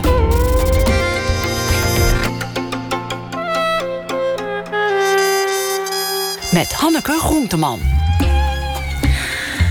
Welkom terug bij Nooit meer slapen. Timo Bruins is sportjournalist en werkt op de PR-afdeling van de voetbalclub Ajax. Hij schreef Bloed is dikker dan water. Een sappige debuutroman die onder meer over afkomst gaat. Straks is hij te gast in onze rubriek Open Kaart. En ik praat met Irma Wijsman die een ontroerende documentaire maakte over haar man, de bekende Belgische acteur Michel de Roeselare. En die leidt aan een zeldzame progressieve vorm van dementie, waarbij zijn spraak wordt aangetast. En het Zeeuws Museum is een samenwerking aangegaan met de modeontwerpers van Das Leben am Haverkamp. Dit collectief gaven we afgelopen week de reismicrofoon mee. Later dit uur hoort u hun verslag. Maar we beginnen met proza. Dat reageert op het nieuws van de voorbije dag. Deze week verzorgd door Henk van Straten, schrijver van de rubriek van de roman uh, Bidden en Vallen en van Wij zeggen hier niet halfboer. Binnenkort verschijnt zijn nieuwe boek Berichten uit het Tussenhuisje. Goedenacht, Henk. Goedenacht, Sanneke. Hoe is het met je? Ja, een beetje, uh, beetje moe wel, merk ik. Na, na vier nachten uh, wakker blijven voor dit programma. Ik, ik ben dat niet uh, gewend ook. Oh? Goh, ik, je ziet er altijd zo heftig uit. Ik dacht, je bent vast wel een nachtbraker, maar... Ja, dat klopt. Dat is een misverstand. Nou, dat was ik misschien ooit wel, maar tegenwoordig uh, ga ik vaak zo tussen 10 en 11 uur naar bed. Het is niet waar. En, ja, dan vind ik dat ook heel prettig en dan sta ik vroeg op. En als ik dan later naar bed ga, dan ben ik me eigenlijk al zorgen aan het maken over dat ik dan niet genoeg slaap heb. En daardoor slaap ik dan weer slecht. Ik ben, ik ben eigenlijk een beetje een soort Woody Allen gevangen in het lijf van een, uh, een rockster. Nou ja, ik vind allebei wel uh, sexy, eerlijk gezegd. Zowel Woody Allen als een rockster. hey, en uh, heb je vandaag naar schaatsen gekeken? Nee, nee, ik kijk eigenlijk bijna geen sporten. En ook, ook, niet de Winter Olympische Spelen. Ehm, dus daar gaat het stukje niet over. Wat, ik, ehm, wat mij trof was dat berichtje uit Amerika, Florida... waar ehm, waar weer zo'n high school shooting is geweest. En, en 17 mensen zijn uh, neergeschoten door een uh, verbolgen en verwarde ex-leerling. Dan ben ik heel benieuwd naar je stuk. Ga je gang. Ja, komt ie. Door het druilige, druilerige donker liep ik naar de bibliotheek in Doetinchem. Dit vanwege een literaire avond aldaar. Vlak voor de ingang werd ik begroet door een man van begin dertig. Colbert en een spijkerbroek, zijn haar warrig gekamd met veel gel. Hallo, zei hij, alsof we elkaar kenden. Goed dat jij bent. Ik knikte vriendelijk, maar hij zei het op zo'n amicale toon... dat ik, terwijl ik naar de klink van de deur greep... me afvroeg of ik hem niet de hand moest schudden. Hoe goed kenden wij elkaar? Was hij misschien van de organisatie? Was het lomp om zomaar door te lopen? Het deed er niet meer toe, ik was al binnen. Ik keek om me heen, zag de andere schrijvers en ging bij hen zitten. We kregen koffie en we kletsten wat. In mijn ooghoek zag ik dezelfde man staan. Hij glimlachte en stond net iets te dichtbij, alsof hij beleefd wachtte tot we waren uitgepraat en dan aandacht voor hem zouden hebben. Ik herkende zijn aanwezigheid opnieuw met een vriendelijk hoofdknikje en praatte verder. Vervolgens hoorden we een kopje te pletter slaan, gevolgd door Godverdomme! Ik keek om en zag de man nu met zijn gezicht in zijn handen staan, de scherven en een plas koffie aan zijn voeten. Oh, godverdomme, riep hij opnieuw. Hij stond erbij alsof hij als kind een doos met tien bijzondere kopjes had geërfd... en het tiende en laatste kopje nu was gesneuveld. Wij schrijvers moesten het podium op. Achter een tafel met microfoons beantwoorden we vragen. Het publiek zat op stoeltjes aandachtig te luisteren... tot er ineens achter in de zaal werd geroepen... Fuck you! Fuck you! Ik haat jullie!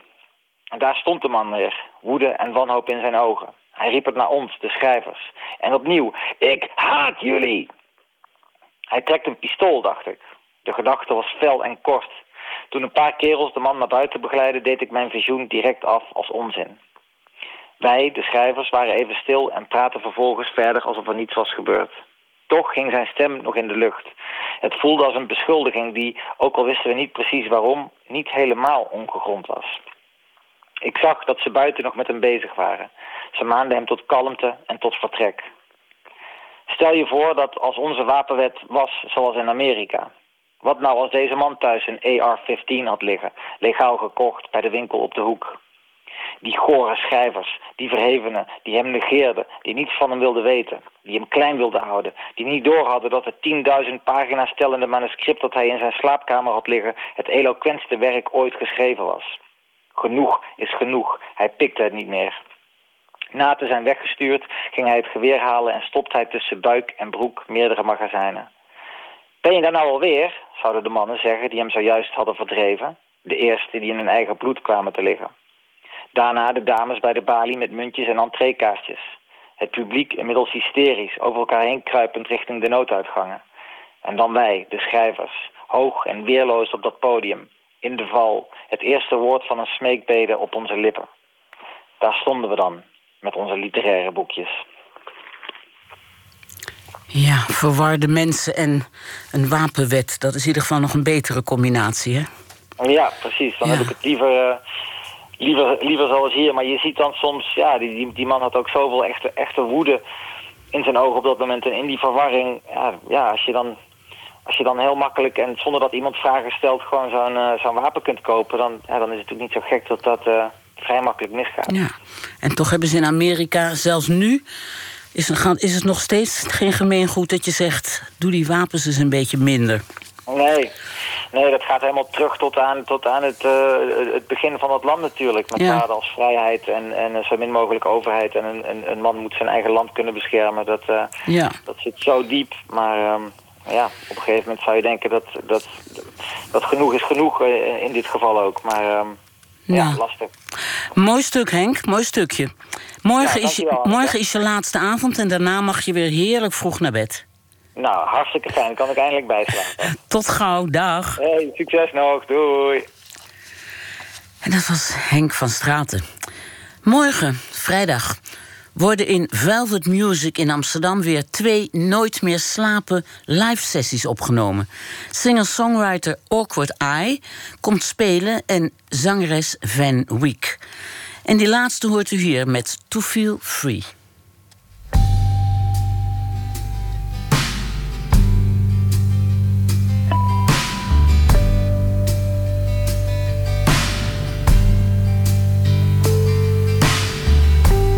Caught you dancing with your coat on in the hallway of your mom's home.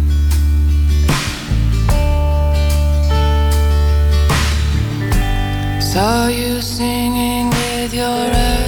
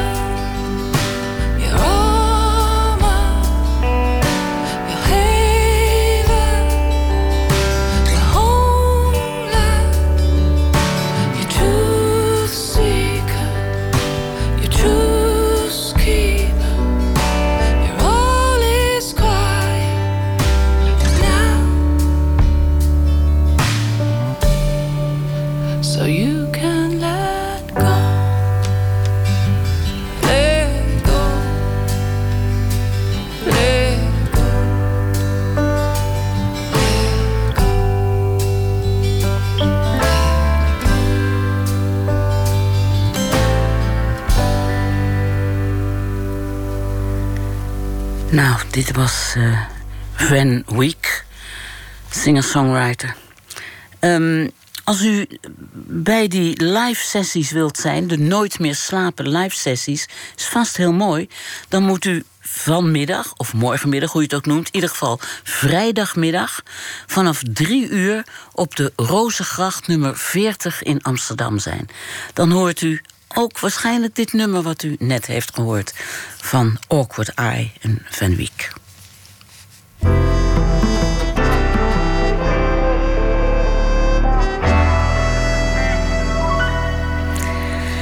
In onze rubriek Open Kaart trekt de gast kaarten uit een bak met 150 vragen over werk en leven. Een soort surprise party. Deze keer doen we dat met schrijver Timo Bruins. Hij debuteert met zijn roman Bloed is dikker dan water. En naast schrijver is hij ook journalist, sportjournalist. Hij schreef in 2011 Amsterdam Verona, dagboek Giro d'Italia 2010 over zijn belevenissen als verslaggever bij deze uitputtingsslag voor wielrenners. En hij heeft voor sommigen dan de meest geweldige baan die er bestaat. Voor mij en mijn familie althans. Hij werkt op de PR-afdeling van Ajax. Ja, dat klopt. En als je nou ook nog kan zorgen dat ze uh, heel goed gaan voetballen... en niet PSV-kampioen laten worden... dan ben je helemaal mijn man. Welkom, Timo. Dankjewel. Um, een debuut een, debuut, een spetterend debuut vond ik over een milieu van ritselaars, raddraaiers, drinkers en bordeellopers. Schrijver Victor, eh, Ivo Victoria schreef over deze roman. De familie Flodder in romanvorm, maar dan grappiger en ontroerender en messcherp opgeschreven. En Erik Jan Harmen schreef een smeuïge, smerige, opgefokte, maar ook tedere vertelling over opgroeien, afpilzen, afreizen zonder verplaatsen en serieel verlangen. Lekker vet debuut. Nou, Timo, zo, zo mooi kan ik het niet zeggen. Nee, mooie woorden. Ik onderschrijf het volkomen. Hoe is, hoe is dit boek ontstaan? Want het is er opeens, deze roman. Uh, ja, het boek is eigenlijk ontstaan. Ik uh, was in 2014 was ik op vakantie. En uh, ik had een uh, jaar heel hard gewerkt bij, uh, bij Ajax. ze werden ook kampioen dat jaar. Tevens het Wat laatste doe je jaar. daar eigenlijk? Ik werk op de mediaafdeling. En ik ben nu eindredacteur social en online. Ja. Dus ja, we zitten eigenlijk iedere wedstrijd volop. Eigenlijk nou ja, zeven dagen per week wel. Uh, dus ik had ja, best wel een druk jaar achter de rug. Gaat op vakantie, dan krijg je in één keer gaan er weer een beetje. Hè, je, je hersens openen zich weer een beetje. En ik dacht, ah, ik had eigenlijk wel. Ik was veel aan het lezen die vakantie. Ik dacht, ja, ik heb ook wel weer zin om te, vrij, om te schrijven. Ja, om, te, om, iets te schrijven, ja. iets, iets uh, te creëren. En um, uh, ik las een paar korte verhalen ook. Ik dacht, nou, misschien kan ik dat gaan doen, korte verhalen. Want, hè, want ik dacht, een roman, dat is wel heel erg veel. En uh, toen kwam ik thuis, uh, op de dag dat ik thuis kwam, zag ik op Facebook zag ik een oproep voor een, voor een schrijfwedstrijd, manuscripting. Daar had je een heel manuscript voor nodig. Maar ik zag wat je moest insturen, dat waren 500 woorden. En die deadline was die avond. Toen heb ik, ja, ben ik toch meteen gaan zitten. 500 woorden Zo'n geschreven. deadline-journalist ben je natuurlijk toch ook? Ja, zeker. 500 woorden, Ja. mooi journalistiek stukje natuurlijk van eh 500 woorden. Nee, maar dat, dus da, daar, wa- dat was eigenlijk het begin. Dus ik, ik deed mee aan die, aan die wedstrijd. En, eh, en dat deed, deed ik onder eh, pseudoniem. Eh, en ik kwam eigenlijk verder, verder. En ik won. En die, die eerste 500 woorden, dat is eigenlijk toch de basis van, eh, ja, van, van dit boek. Dat was, En, en waar ging die over? Gingen die al over de jonge Tommy en zijn Ja. flodderachtige familie? Ja, eigenlijk wel. Ik heb, ehm, eh, het, is, eh, het, is, het boek is fictie, het is, het is een roman. Maar ik heb wel veel, er zit wel veel eigen ervaring in. Ehm, eh, ja, de, ik- de scène die ik toen schreef voor die, voor die wedstrijd, dat was een, een verjaardag. En daar, ik, daar moest ik heel erg aan denken. Aan, aan mijn oma, aan de feesten vroeger thuis. Ik kom Alle uit drank, een, eh, ja, barbecue, drank, ja, Zeker, ja, alles erop en eraan. En eh, ja, ik kom uit een eh, van vaderskant zeemansfamilie, moederskant autohandelaar, eh, eh, chauffeurs. Eh, alle twee best wel verschillende families, maar wel ja, alle twee heel erg gezellig. En ik dacht van ja. Eh, dat, dat gevoel van die gezelligheid van die feesten, dat wilde ik eigenlijk weer vatten. Een beetje die, die gekkigheid. De gezelligheid van de zelfkant. Toch een Ja, beetje. eigenlijk wel. Ja, zeker, zeker. En ehm, eh, ja, dus daar ben ik mee aan de slag gegaan. Ik heb ook een hele unieke oma aan, eh, aan de moederskant. Die speelt ook een prominente rol Met in het... eh, eh, die alsmaar aan de Koeberg ja, eh, dat- zitten ja, lurken en de ja. drank. Ja. Leuke Ja. omaatje, ja. Ja, heel erg leuk. En eh, ja, dus die zat meteen in, eh, Ja. die zat meteen in, in, in, in mijn hersens. Ik dacht, ja, als ik dat een beetje kan, eh, kan vatten. En eh, ja, dan, En dan die- zit daar wel een boek in. En die bordelen die heb je ook allemaal zelf als jongetje wel bezocht. Nou, eh, daar zit nog wel een eh, verhaal achter. Sappige verhalen over bordelen. Ja. denk ik, oh, wat ben je vast geweest. Ja, nee, ehm, eh, zoals ik al zei, het is fictie. Dus alles is een beetje, beetje hè, opgesmukt. Maar ja, in het boek gaat de jongen gaat met zijn oom naar een bordeel. En dan mag hij, als hij daar is, mag hij dan kiezen welke kamer die in wil. Dus een gele kamer, een groene, Groen, een ja. rode kamer. En ehm, nou, dat heb ik niet gedaan met een oom. Zeker niet. Eh, maar ik heb. eh, nou, het is misschien wel. eh, ja, het is ook wel een mooi verhaal. Dat was eigenlijk. Ik, ik studeerde communicatiewetenschap. En toen schreef ik me in voor een cursus journalistiek. En nou, dat vond ik al best wel moeilijk en kwetsbaar. Ik dacht, ja, nou moet ik iets schrijven en mensen gaan dat beoordelen. En toen hadden we een eindopdracht en dat moest je grote verhaal worden. En ik had niks, ik had niks, ik had geen, geen verhaal. En toen dacht ik op het allerlaatst, volgens mij was het nog een dag voor de deadline. Toen dacht ik, ja, ik moet toch een verhaal hebben, iets leuks. En toen was er, dat was ergens, ja, begin 2000, denk ik. Toen eh, was er net volgens mij dat de bordelen moesten, ja, ze moesten belasting gaan betalen. En toen dacht ik, nou laat ik gewoon een bordeel bellen en kijken of ik daar een, eh, een verhaal over kan maken. En toen bel- belde ik een bordeel in eh, Hilversum en ik kon meteen langskomen. En eh, ja, die mevrouw die had, eh, ja, die, die had alles opgetrommeld eigenlijk. eigenlijk. Dus, eh, het hele ja, ik- toneelstuk werd ja, gespeeld. Ja, ik, Ja. Zat, ja, ik zat daar ja, met, een, met een pennetje en een notitieblokje zat ik tussen ja, allemaal vrouwen. En ja, die, die, die, meteen hun hele levensverhaal vertelden. En nou ja, ze lieten me dus zien, nou, kijk, dit is de rode kamer, dit is de blauwe kamer, dit is de groene kamer. En ja, dat was eigenlijk, ja, dat was meteen, dat was eigenlijk ook een beetje het begin van mijn, eh, ja, misschien wel van mijn schrijverschap. Want dat was Ja, de eerste keer dat ik dacht ja. van ja, dit is, dit is wel leuk. Je moet soms gewoon ergens ik- op afstappen. Ik laat het je een be- beetje vertellen, of ik licht het eruit, omdat het zit vol met hele sappige en geestige, maar toch ook ontroerende details. Maar ik hoop zo dat mensen het gaan lezen, want het is zo'n ontzettend leuk boek. Dat, dat ik denk, ja, die bordeelscènes die zijn ook al heel leuk, maar ook de scènes met zijn vader of met dat autopoetsen of ja, dat hele, ja, de familie Flodder.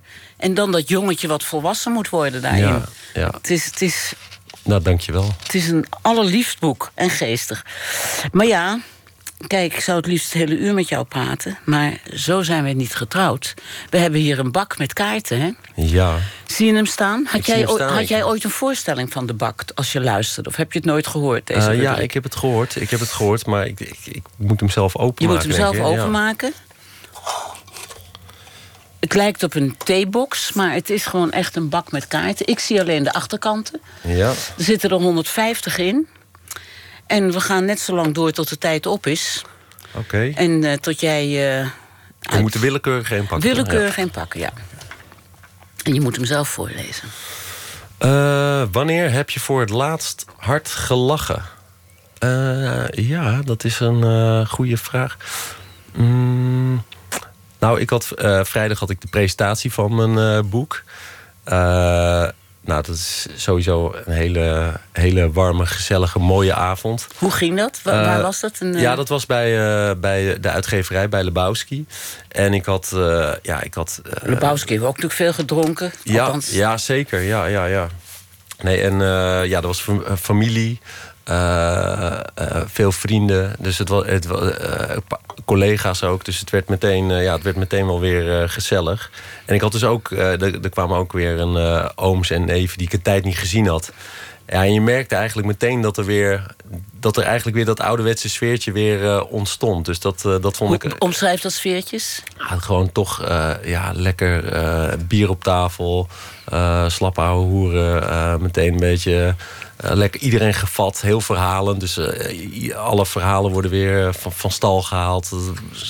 Ieder jaar ko- komt er weer 5% bij. Wordt het nog iets, eh, nog iets mooier.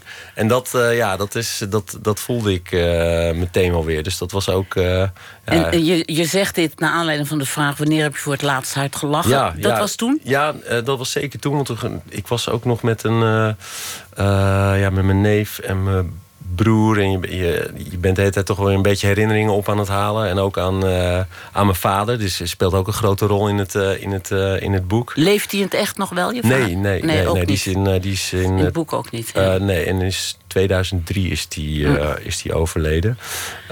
maar daar hadden we het over dat, ja, dat hij een keer mee uitging met ons. Toen waren we al wat ouder. En ehm, ja, dus hij, hij hield echt wel van, van drinken. En ja, het is echt wel een echte, echte zeeman. Een redelijke harde vent ook. En toen hadden we meegenomen. En toen waren we in een tent waar wij vroeger dan uh, vaak uitgingen. En op een gegeven ogenblik werd er gepoko'd. En dat poko is tegen elkaar aan duwen en, en trekken. Maar hij kende dat hele, hele, hele begrip niet. Dus hij, het feit dat hij met ons meeging toonde al aan dat hij al aardig... ja, hij, was al, uh, hij had al aardig wat op. En toen op een gegeven moment begon iemand... Uh, ja, ik weet niet, hij, hij, kreeg een deal of ieder, die, die Poco begon een beetje omheen... en hij begreep het niet. Dus hij meteen uh, ja, vuist omhoog en hij dacht... dit, is, dit is, dit is een, een kroeggevecht. Dus ja. ja. hij wilde er meteen... Toen konden we er nog net van afhalen met z'n allen. Maar ja, dat, die anekdote kwam ook weer voorbij. En toen moest ik wel weer eventjes ja. ja. heerlijk lachen. Dat je ook de, ja, die blik in die ogen denkt van... dit is vechten, hatsa, daar gaan we. Leef je nu eigenlijk ook in zo'n gezellige familie? Uh, op jezelf nu? Ja, nou, ik... Uh, nee, is het ook weer met tuinstoelen in de tuin en nee, barbecue? Ik, ik, ik, woon samen met mijn... ik heb twee kinderen en een vriendin. En het is natuurlijk heel erg gezellig. Maar anders? Het is heel erg anders. Ja, het is echt heel erg anders. Ja, maar het is, het is ook... ik vind het wel heerlijk om ja, om uh, uh, te eten met z'n allen, te, ja, te, ja, te, drinken, ook uit te gaan. Dat vind, ik, dat vind ik gewoon heel erg gezellig. Dus dat lijkt er nog wel op. Maar het is niet meer, het is niet meer te vergelijken met, met 20 jaar geleden. Of nee. zoals bij ons thuis was, ja, was het een andere tijd. Was. Pak nog eens een kaart, Timo.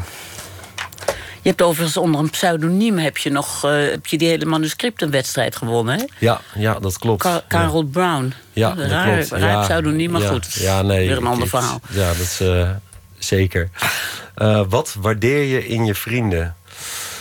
Ja, vrienden, dat, uh, dat ze heel erg eerlijk zijn en heel erg uh, open. En uh, ja, ik heb een best wel een hechte vriendengroep. En daar kan je echt, uh, ja, daar kan je gewoon alles tegen elkaar zeggen. En alles wordt gewoon, je wordt, als je een beetje, een beetje hoog van de toren blaast, dan word je meteen weer, ja, dan, dan, dan word je meteen gepakt. En ja, word je keihard aangepakt. En dat is. ja, dat is hartstikke leuk. Dus dat is, Waar en wanneer heeft u deze vriendengroep zich gevormd? Uh, eigenlijk al uh, heel vroeg in, uh, in Loosdrecht. Dus dat waar is, je opgegroeid bent? Ja, ja, waar ik opgegroeid ben. Dat is een, ja, we hebben een hele gemixte vriendengroep. maar die bestaat een beetje uit mijn vrienden en de vrienden van mijn broer. En dat is allemaal bij elkaar gekomen. En ja, dat gaat echt van... het is echt van, van advocaat gaat dat tot, tot, tot bouwvakker. En dat is nog steeds ja, nog steeds best wel, uh, best wel hecht. Dus uh, ja, dat is, heel, dat, is, dat is echt heel erg leuk. En dat, uh, ja, dus je hoort, ja, weet je, dus de meningen zijn ook heel erg verschillend. We hebben ook allemaal van die, soms hebben we een, een politieke WhatsApp-groep en dan gaat het van links naar, naar rechts. En dan hebben we een voetbal-app-groep, dan gaat het ook van Feyenoord naar Ajax. Dus het is echt altijd. Ja, wel ja. heel, heel royaal. Ja, ja, ja. ja. Pak nog eens een kaart. Ja. Fantaseer je wel eens over je eigen begrafenis? Uh, nou, je beschrijft hem van je vader. Ja, ja, boek, ja, ja. Fantaseer je over je eigen begrafenis? Nee, maar uh, nou, ik fantaseer. Fantaseer klinkt een beetje alsof je er ook uh, zin in hebt. Maar ik, ja, ik, ik, heb er wel eens over nagedacht, denk ik, ja. Hè, wat, wat, wat, je dan zou, ja, wat je dan zou willen. En uh, dat is altijd de vraag natuurlijk van... oh ja, op mijn, uh, op mijn uh, begrafenis wil ik dat het een heel groot feest wordt. Maar ik weet het eigenlijk niet. bijvoorbeeld met mijn, met, mijn, met mijn vaders begrafenis was het ook wel een... ja, dat werd ook nog wel gezellig na afloop. Nou. Maar ik... ik ja, ook in, het, in, ook in het echt. werd nog best gezellig, maar ik weet nog zelf dat ik, dat ik toen... ja, ik, ik had het toen wel gewoon eigenlijk toch wel even gehad ook. Ik, ik dacht... Ja, weet je wel. Ik vind, het, ik vind het heel erg goed hoor. Dat je gewoon lekker ook een beetje blijft vieren. Maar het is ook een, natuurlijk een soort uitputtingsslag zo'n dag. Dus ik zal er ook weer niet een heel groot feest van maken. En vind je eigenlijk dat jij daar nog over gaat? Ik heb laatst eens iemand in uit mijn omgeving gestorven. Die had echt alles tot in de puntjes geregeld. Tot ver na de begrafenis ongeveer. En dat vond ik helemaal niet fijn. Nee, want eh, was er uiteindelijk... niet bij. Ja, nee, precies. Ja, nee, eh, de, de, de nabestaanden die moeten dat eh, natuurlijk vieren en uitvoeren. Dus nou ja, bij deze, ze, ze mogen het over mij beslissen. We hebben geloof ik nog tijd voor een kaart. Ja. Nog eentje? Ja, zeker. Nog eentje weet ik niet. Hangt van, hangt ja. van de lengte van je antwoord af. Het bevalt me enorm, dit gesprek. Ja, wat is het laatste boek dat je gelezen hebt? Ja, dat is eh, het boek Elmet van, als ik het goed heb, eh, Fiona Mosley. Die kreeg ik bij de uitgeverij in mijn handen gedrukt van daar waren ze mee bezig.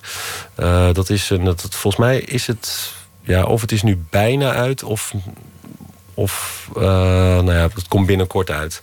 Maar dat was een eh, leuk boek. Ik kreeg het mee. Ik denk, nou, ik, ik- stond in de metro. Ik had niks anders. Dus ik denk, ik blader er even in. En ik had het eh, ja, twee dagen later of drie dagen later uit. Heel mooi over een jongen en, en een meisje. Die wonen in een bos met hun vader. De vader is een beetje een... dat is dus de sterkste man van de regio. Het speelt ergens in, in Engeland. En zij wonen in een huis op zichzelf.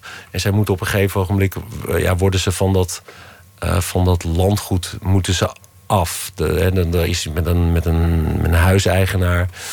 En eh, ja, dat is heel spannend, heel sferisch. Eh, er stond op de achterkant iets van Hans en Grietje meets the Godfather. En dat gevoel, ja, dat had het echt wel. Dus Hoe, hoe heet het? het heet Elmet. Elmet. Elmet. ja, ja, echt een topboek. Ik denk dat het een, ja, dat kan wel eens eh, wat gaan worden, denk ik. Oké. Ja. Nou, eh, Timo, we zijn eh, een beetje door de tijd heen. Ehm, ik wil nog even vragen, een hele, hele rare vraag. Jij zit bij Ajax en je doet daar het, het schrijfwerk voor het online. Hoe is het met Appie?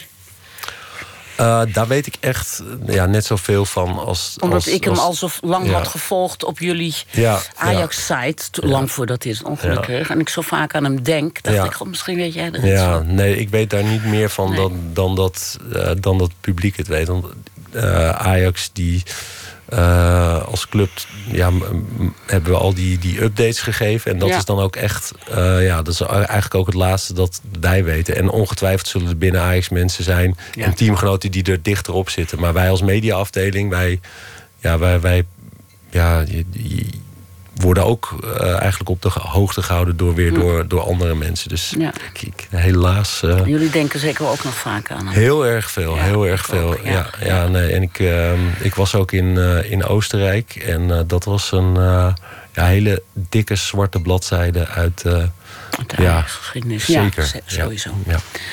Timo, we eindigen een beetje verdrietig, maar ik wil nog even zeggen: je boek is nu uit. Bloed is dikker dan water. En het is een rauwe en geestige ro- roman. En ik feliciteer je ermee. En Dank je je wel. wel Dank je wel. voor je eerlijke antwoorden. Dank je.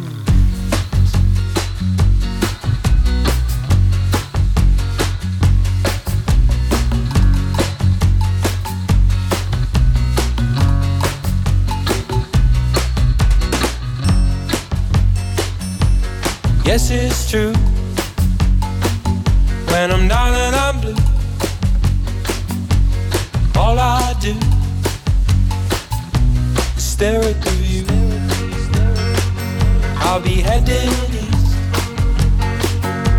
to find my peace where the desert feasts will welcome me with ease. And the monkeys go, and the monkeys go high, and the monkeys go. And the monkeys in my, and the monkeys in my head, and the monkeys go high, high, high, high.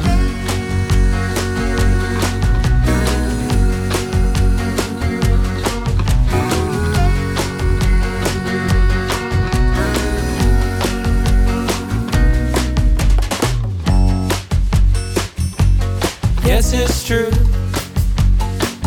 When I'm down and I'm blue, all I do see me with you. I'll be heading east to find my peace, and then I'm west where the lands of free blast, and the monkeys go, and the monkeys go high. And the monkeys go. Ah, ah, ah, ah. And the monkeys in my, and the monkeys in my head.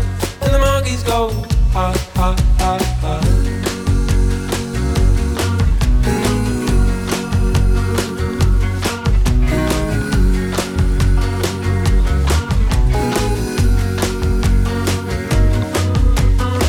So, if so, if so, it's like this. If so, it is just be and don't fight it. And be happy. Be calm and be warm and be happy. And you can make your own. If so, if so, it's like this. If so, it is just be don't fight it. Ja, dit was Waiting for Smith met Monkeys in My Head. En we gaan verder met 1 minuut. Een serie vol wonderlijke verhalen in 60 seconden. Met als titel dit keer De Camping 2 en die is gemaakt door Tjitske Mussen. Pst,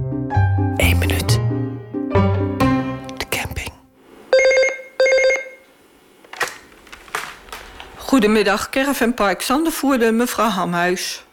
De eerste keer sta je gewoon echt met je oren te klapperen... en dan denk je van, wat gebeurt er nu? Wat, wat, ja, dan weet je ook niet meer wat je zeggen moet. Dan krijg je echt een, eh, ja, een- dan val je helemaal stil. Nou meneer, wat zeg ik nu net? Ik, eh, het is inderdaad gebeurd dat mijn man met de dood bedreigd is. Dat, eh, dat iemand zei van nou, eh, pak mijn eh, revolver en ik schiet je dadelijk hartstikke dood. Misschien is het heel handig als u mij eventjes helemaal uit kunt laten spreken. Vroeger kwam ik niet eens met mijn stem over het geluid heen. En lag ik van dingen nachten wakker. En dat heb ik tegenwoordig zelden. Goedemiddag, Caravanpark Zandervoerde, mevrouw Hamhuis. Zegt u het maar.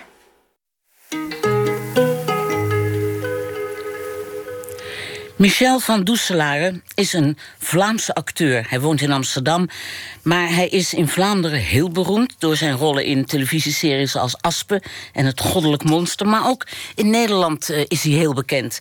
Hij stond vele jaren op de podia hier... En zijn laatste rol speelde hij in de voorstelling Borgen van het Noord-Nederlands toneel.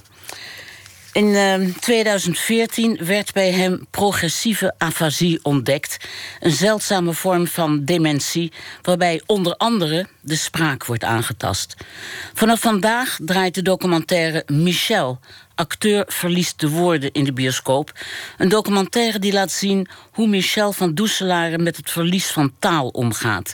Het instrument waarmee hij jarenlang lang succes had. Aan de telefoon is Irma Wijsman, zijn vrouw. Ze is theatermaker, coach en de maker van deze prachtige documentaire. Goedenacht, Irma. Goedenacht, Hanneke. Ik uh, eventjes uh, vast uh, het kou uit de lucht halen. Ik was diep ontroerd door de documentaire. Want ik, heb, ik ken Michel ook al heel lang. Ja. En ben een grote fan van hem altijd geweest. En ik zag nu um, hoe hij eigenlijk zijn spraak en zijn, ge zijn, zijn ge geheugen aan het verliezen was. Ja, het, het zijn spraak zeker. Zijn geheugen valt wel mee. Het is echt uh, gekoppeld nog steeds aan zijn taal, dat de taal verliest. En natuurlijk is het, uh, het is een progressieve ziekte, dus het breidt zich uit in andere delen van zijn hersenen. Maar hij herkent gewoon iedereen die er vanavond was of waren. Dat is geen probleem. Dat is nu nog niet, maar dat kan in de toekomst natuurlijk wel veranderen. Oh, dus als jij hem een vraag stelt en uh, of hij zich iets herinnert, dan kan hij het gewoon niet meer zeggen. Terwijl hij het zich misschien wel herinnert. Absoluut, ja, dat is echt het onderscheid. Hij herinnert zich absoluut, uh, de, maar de, de, taal is weg, of bijna weg. En dat is natuurlijk een heel groot drama voor iemand die zo uh, ja, voer met zijn taal, hè? Ja, Michel is taal, was taal. En uh, ja, ik denk dat uh, dat opzicht... Sowieso als acteur is het natuurlijk het vreselijkste wat je kan overkomen... dat je je taal verliest. En daarnaast was Michel, want je hebt natuurlijk verschillende type acteurs... Uh, is Michel ook altijd uh, wat in de documentaire. En dankjewel voor het compliment. Ik ben daar blij mee, dat je het mooi vond. Um, dat, dat, dat hoor je ook terug. Michel is taal van Els Dottermans, van Teu Boermans... Eh, en ja, als je op het moment dat je dat kwijtraakt... dan is dat een zeer grote dramatische wending in zijn leven en in ons leven. En eh, hij is nu een jaar, anderhalf jaar geleden gemaakt, de film? Nee, hij, we, hebben hem twee, we hebben hem twee jaar. In 2014 was hij diagnose. En toen heeft hij gewoon nog gespeeld. Ehm, en eigenlijk in 2016, toen eh, begon Borg en ook de repetities in het begin van het jaar. Eh, toen zijn we uiteindelijk, toen hij zei van... hè, toen hij die diagnose had gekregen, heeft hij Ola gebeld. Ola Mafalani, de regisseuse Ja. van Morgan. En toen ehm, zei hij, ik moet het teruggeven, want ik, hij had een grote rol. En, ehm, en toen zei Ola, na een verloop van tijd, zei ze van... oké, toch wil ik dat je het wel gaat doen... maar dan een kleinere rol met minder tekst. En eigenlijk is dat waarvan ik dacht van... nou, dat, dat, dat hè, nou, eh, ge- gerepeteerd te hebben met zijn tekst. Ik denk, nou, de ene keer ging het wel, de andere keer ging het niet. Dacht ik van, nou, dat gaat gewoon niet goed. Dat moet hij niet willen. Hij heeft, nou, wat je zegt, hij heeft al zo lange, jarenlange eh, reputatie. Waarom zou je Ster. zo kwetsbaar willen zijn? En, Maar- nou ja, hij ging. Maar de film is. Het is ook heel, eh, heel dapper en intiem gemaakt, die film. En ik vroeg me af, hoe, hoe hebben jullie dat gedaan? Is dat steeds ook met volledige eh, goedkeuring van Michel zelf geweest? Ja, als je me een beetje kent, weet je dat. Dat gaat dus onmogelijk om dat zonder goedkeuring van Michel te doen. Nee, ik denk dat, eh, eh, dus ja, eh, hij volledig, we hebben daar heel veel over gesproken ook. En waarom zo kwetsbaar willen zijn. Maar ik denk dat het voor Michel was het, eigenlijk heeft hij de regie gepakt. Hè, zo, toen hij zei van, door middel van dat hulpmiddeltje dat hij wel kon acteren, heeft hij zijn eigen afscheid geregisseerd.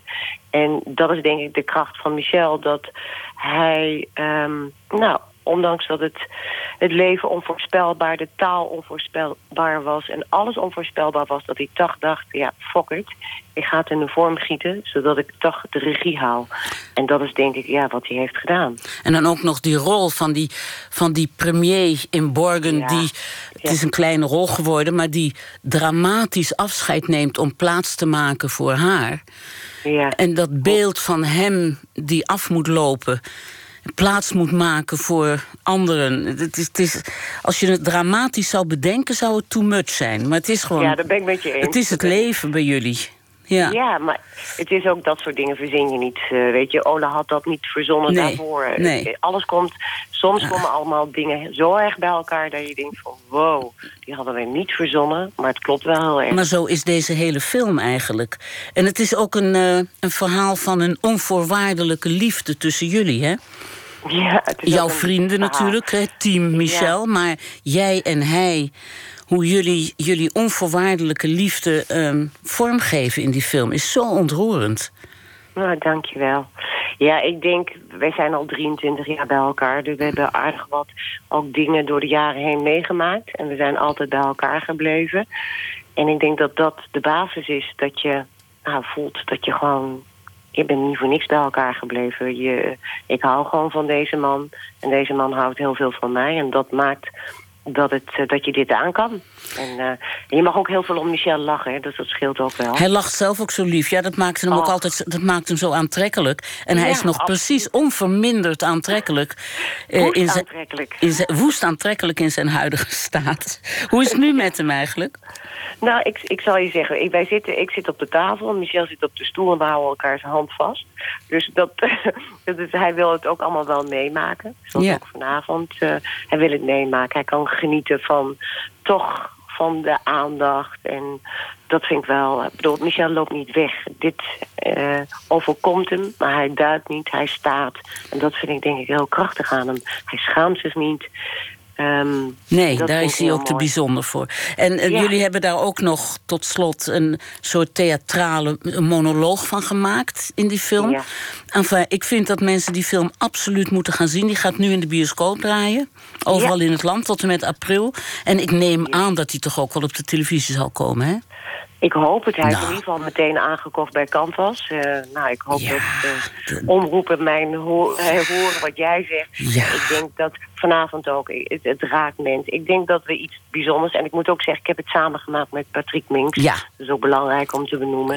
Heel Ehm, knap gemaakt is hij. Ja. Ja, hij Ja. heeft dus dat hebben we Mooi gefilmd. gedaan. Ja, dus Het dat- is een, dat- eh een gezamtkunstwerk van jullie allemaal. Ik hoop dat Michel nog weet wie ik ben. Ja, Maar dat weet hij wel zeker. Zeg maar dat ik hem woest aantrekkelijk vind nog steeds. ik zal het tegen hem zeggen. En ik wens jullie ontzettend veel geluk met deze hele mooie film. Dankjewel, Emma. Merci, dag. Dag.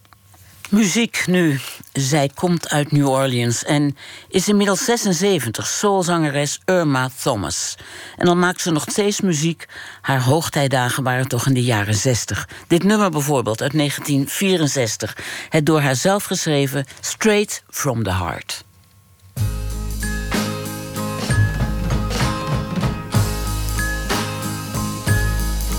Do you need me like I you? Look at me, I'm crying from wanting you. Make me forget the pain that you caused. Understanding is a great thing if it comes from the heart. If time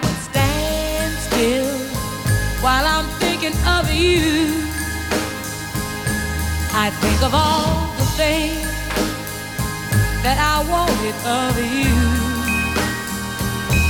to make me forget the pain that you caused. Understanding is a great thing if it comes from the heart. picking up the pieces of my broken heart. It was real hard. A fragile thing like life, it just don't last so long. It could be for a minute or an hour, and then again from now on, if time would stand still while I'm thinking of you.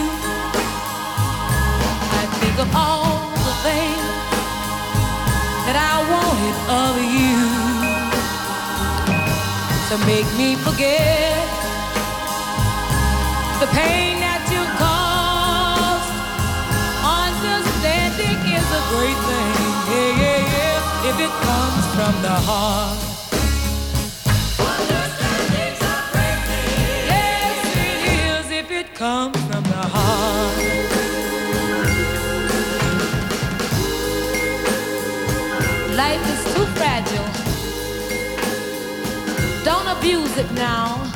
Ze is minstens zo goed als Aretha Franklin, maar jammer genoeg heeft ze nooit zoveel succes gehad als die andere Queen of Soul. Irma Thomas was dat met Straight from the Heart. Iedere week geven wij onze reismicrofoon even mee aan iemand die bijna een première, een presentatie of een bijzonder optreden gaat beleven. Deze week is dat modeontwerperscollectief Das Leben am Haverkamp. Ze zijn verantwoordelijk voor een complete herinrichting van de modezalen in het Zeeuws Museum, die vanaf zaterdag te zien is. Centraal staat het waarnemen en het doorgeven van verhalen. Dit is hun verslag van de afgelopen week.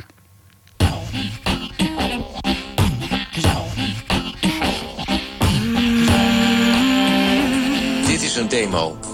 Het is vandaag dinsdag 6 februari en we zijn in het Zeeuws Museum. Hallo, welkom bij de Nooit meer slapen met Das Haverkamp. Mijn naam is Joost en ik ben de persoonlijke assistent van Anouk, Christa, Dewi en Gino. Wat leuk dat je luistert.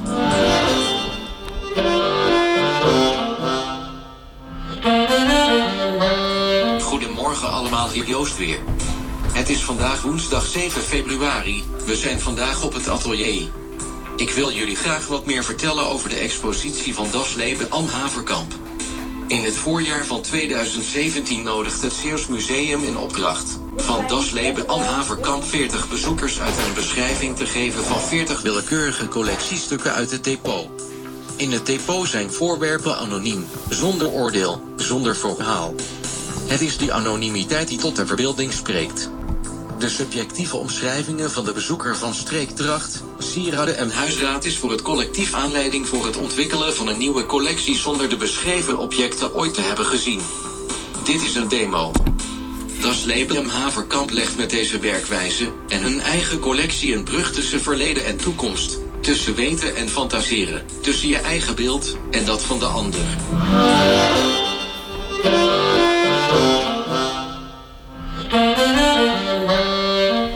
Bezoeker 20, object 19. Dit object eh, roept herinnering op aan eh, oude films. eh, sommige uit de, uit de westerntijd. Van een groot circus buiten ergens in de prairie. Een grote tent. Kinderen die naar binnen lopen. Donker van binnen. Ze pikken een stoeltje, gaan zitten. En dan komen de mooiste en mooiste beelden voorbij uit Oosters, Europees en noem maar op.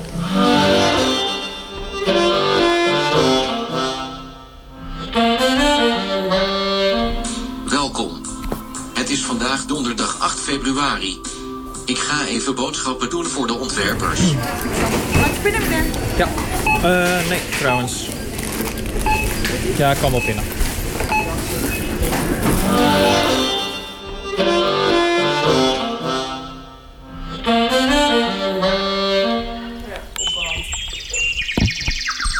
Dit is de muziek die speciaal is gecomponeerd voor de opening in het Zeeuws Museum. Door? Door Pieter van Vliet. Oké. En we luisteren hem nu voor het eerst.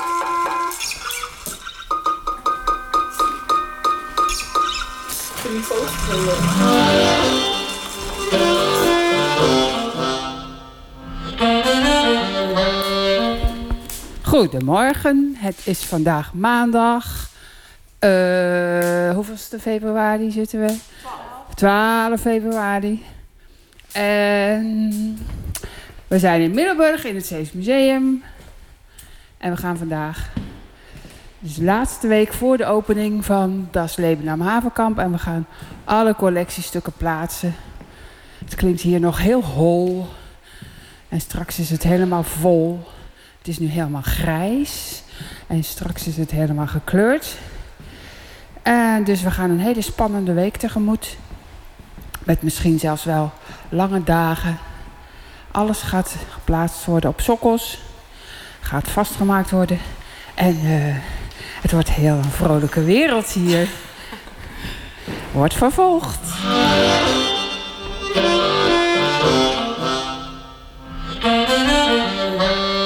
We zijn eh, nu de totempaal van Davy aan het opbouwen.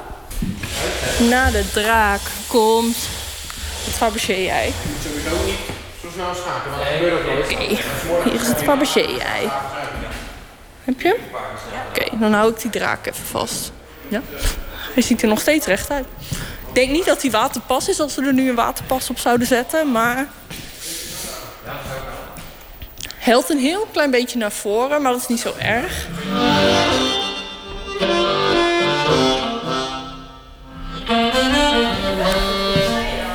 Is vandaag dinsdag 13 februari. We zijn in het Zeeuws Museum. Gisteren is Christa aangekomen.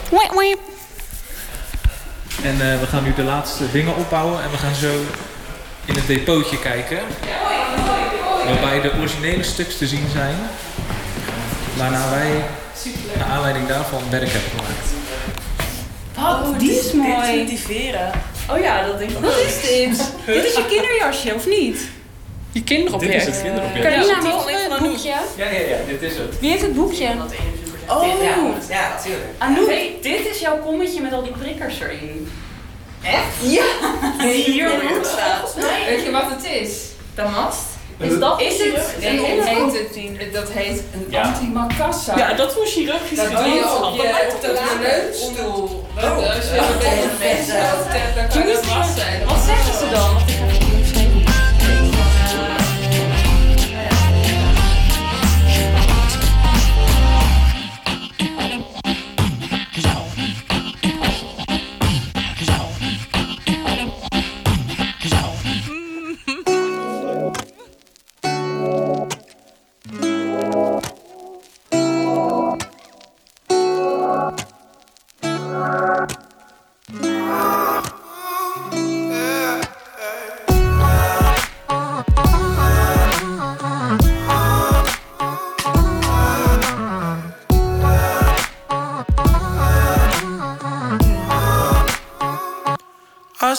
Soon as I come through. First thing I think when I walk in that room is fuck this girl so beautiful. I wonder if you'll look back at me too. You never do. I wanna tell you why you should come over for the night. But when I catch your eye, I get this feeling from inside. It's like, rough, this shit ain't wise. You she will not like. I wish I could decide. I wonder, should I say so? I want to, but I never know how to. I'll try again tomorrow. I hope that one day I dare tell you. I wonder, should I say so? I want to, but I never know how to. I'll try again tomorrow. I hope that one day I dare tell you. I wonder, should I? Should I say so? I wonder, should I? I wonder, should I say so? On my mind, always on my mind. And I don't even know your name or what you like, what you like. But still, I wanna hold you like you're mine. Cause I know if I don't tell you exactly how I'm feeling, I'll regret. So I must try share a breath. Need to find my confidence, but I don't have it at the moment. Where'd it go? I'm only like this when I see you. I wonder, should I say so? I want to, but I'll never know how to. I'll try again tomorrow. I hope that one should I say so? I want to, but I never know how to. I'll try again tomorrow. I hope that one day I'll tell. I wonder, should I? Edi Suleiman was dit Say So. Poëzie nu van Bibi Dumontak. Uit haar bundel Laat een boodschap achter in het zand ze De Vicuña.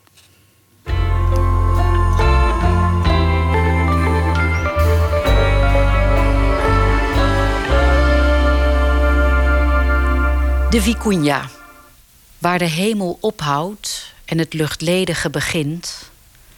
Waar de vlakte niet meer weet of hij nu ligt of zweeft. Waar de sterren s'nachts de baas zijn en wolken schuilen voor de wind. Dat is de plek waar de Vicuña woont. Op eenzame hoogte en in veel te dunne lucht. Ver weg van alles wat ademen moet. Maar de Vicuña kan het. Het is een dier met eeuwig bloed. Liggen wij te hijgen, geen adem meer, zuurstofmaskers op? Trekt de vicuña nog een sprintje omdat zijn bloed zo lekker sterk is, zo levenslustig als limonade boordevol met prik waardoor het bruist tot in zijn kop? Waar ons bloed al dood is, al wat minder rood is, daar leven cellen bij vicuña's langer voort. Als enige kan hij ademen in de ijle lucht van het hoogland van Bolivia tot de altiplano van Peru. Dus, Vicuña, als je straks weer langs de hemel rent, wil je dan eens blijven staan en als het kan de groetjes doen. Wij hadden namelijk iemand lief die daar voorgoed is heen gegaan.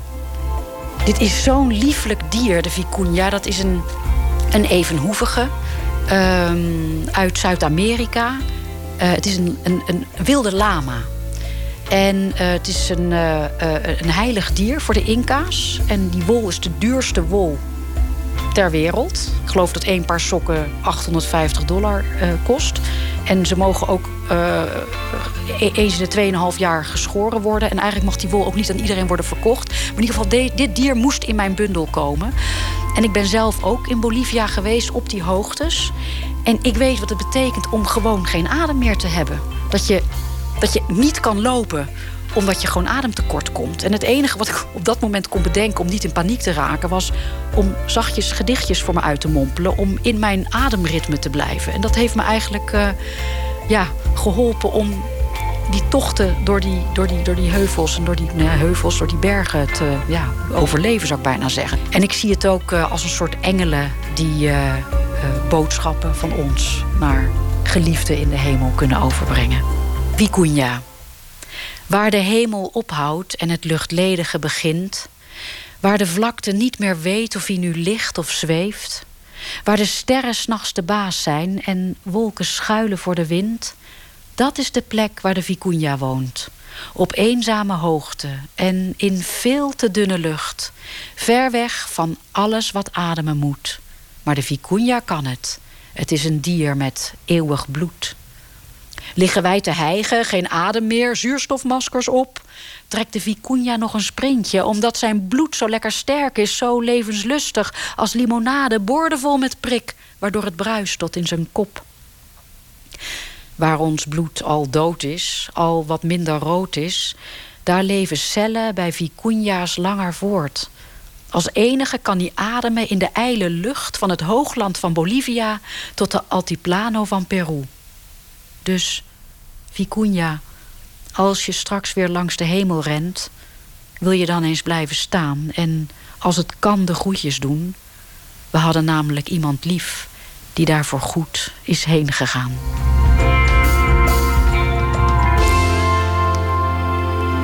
En dit was Bibi Dumont Tak. Morgen ontvangt Elfie Tromp Nooit meer slapen... actrice, zangeres en cabaretière Eva Krutsen. En ze gaat het vast hebben over haar nieuwe voorstelling Opslaan. En eh, zo dadelijk uh, kunt u nog luisteren naar uh, mijn favoriete, een van mijn favoriete programma's... De Nachtzuster van Omroep Max. Ik wens u een hele goede nacht.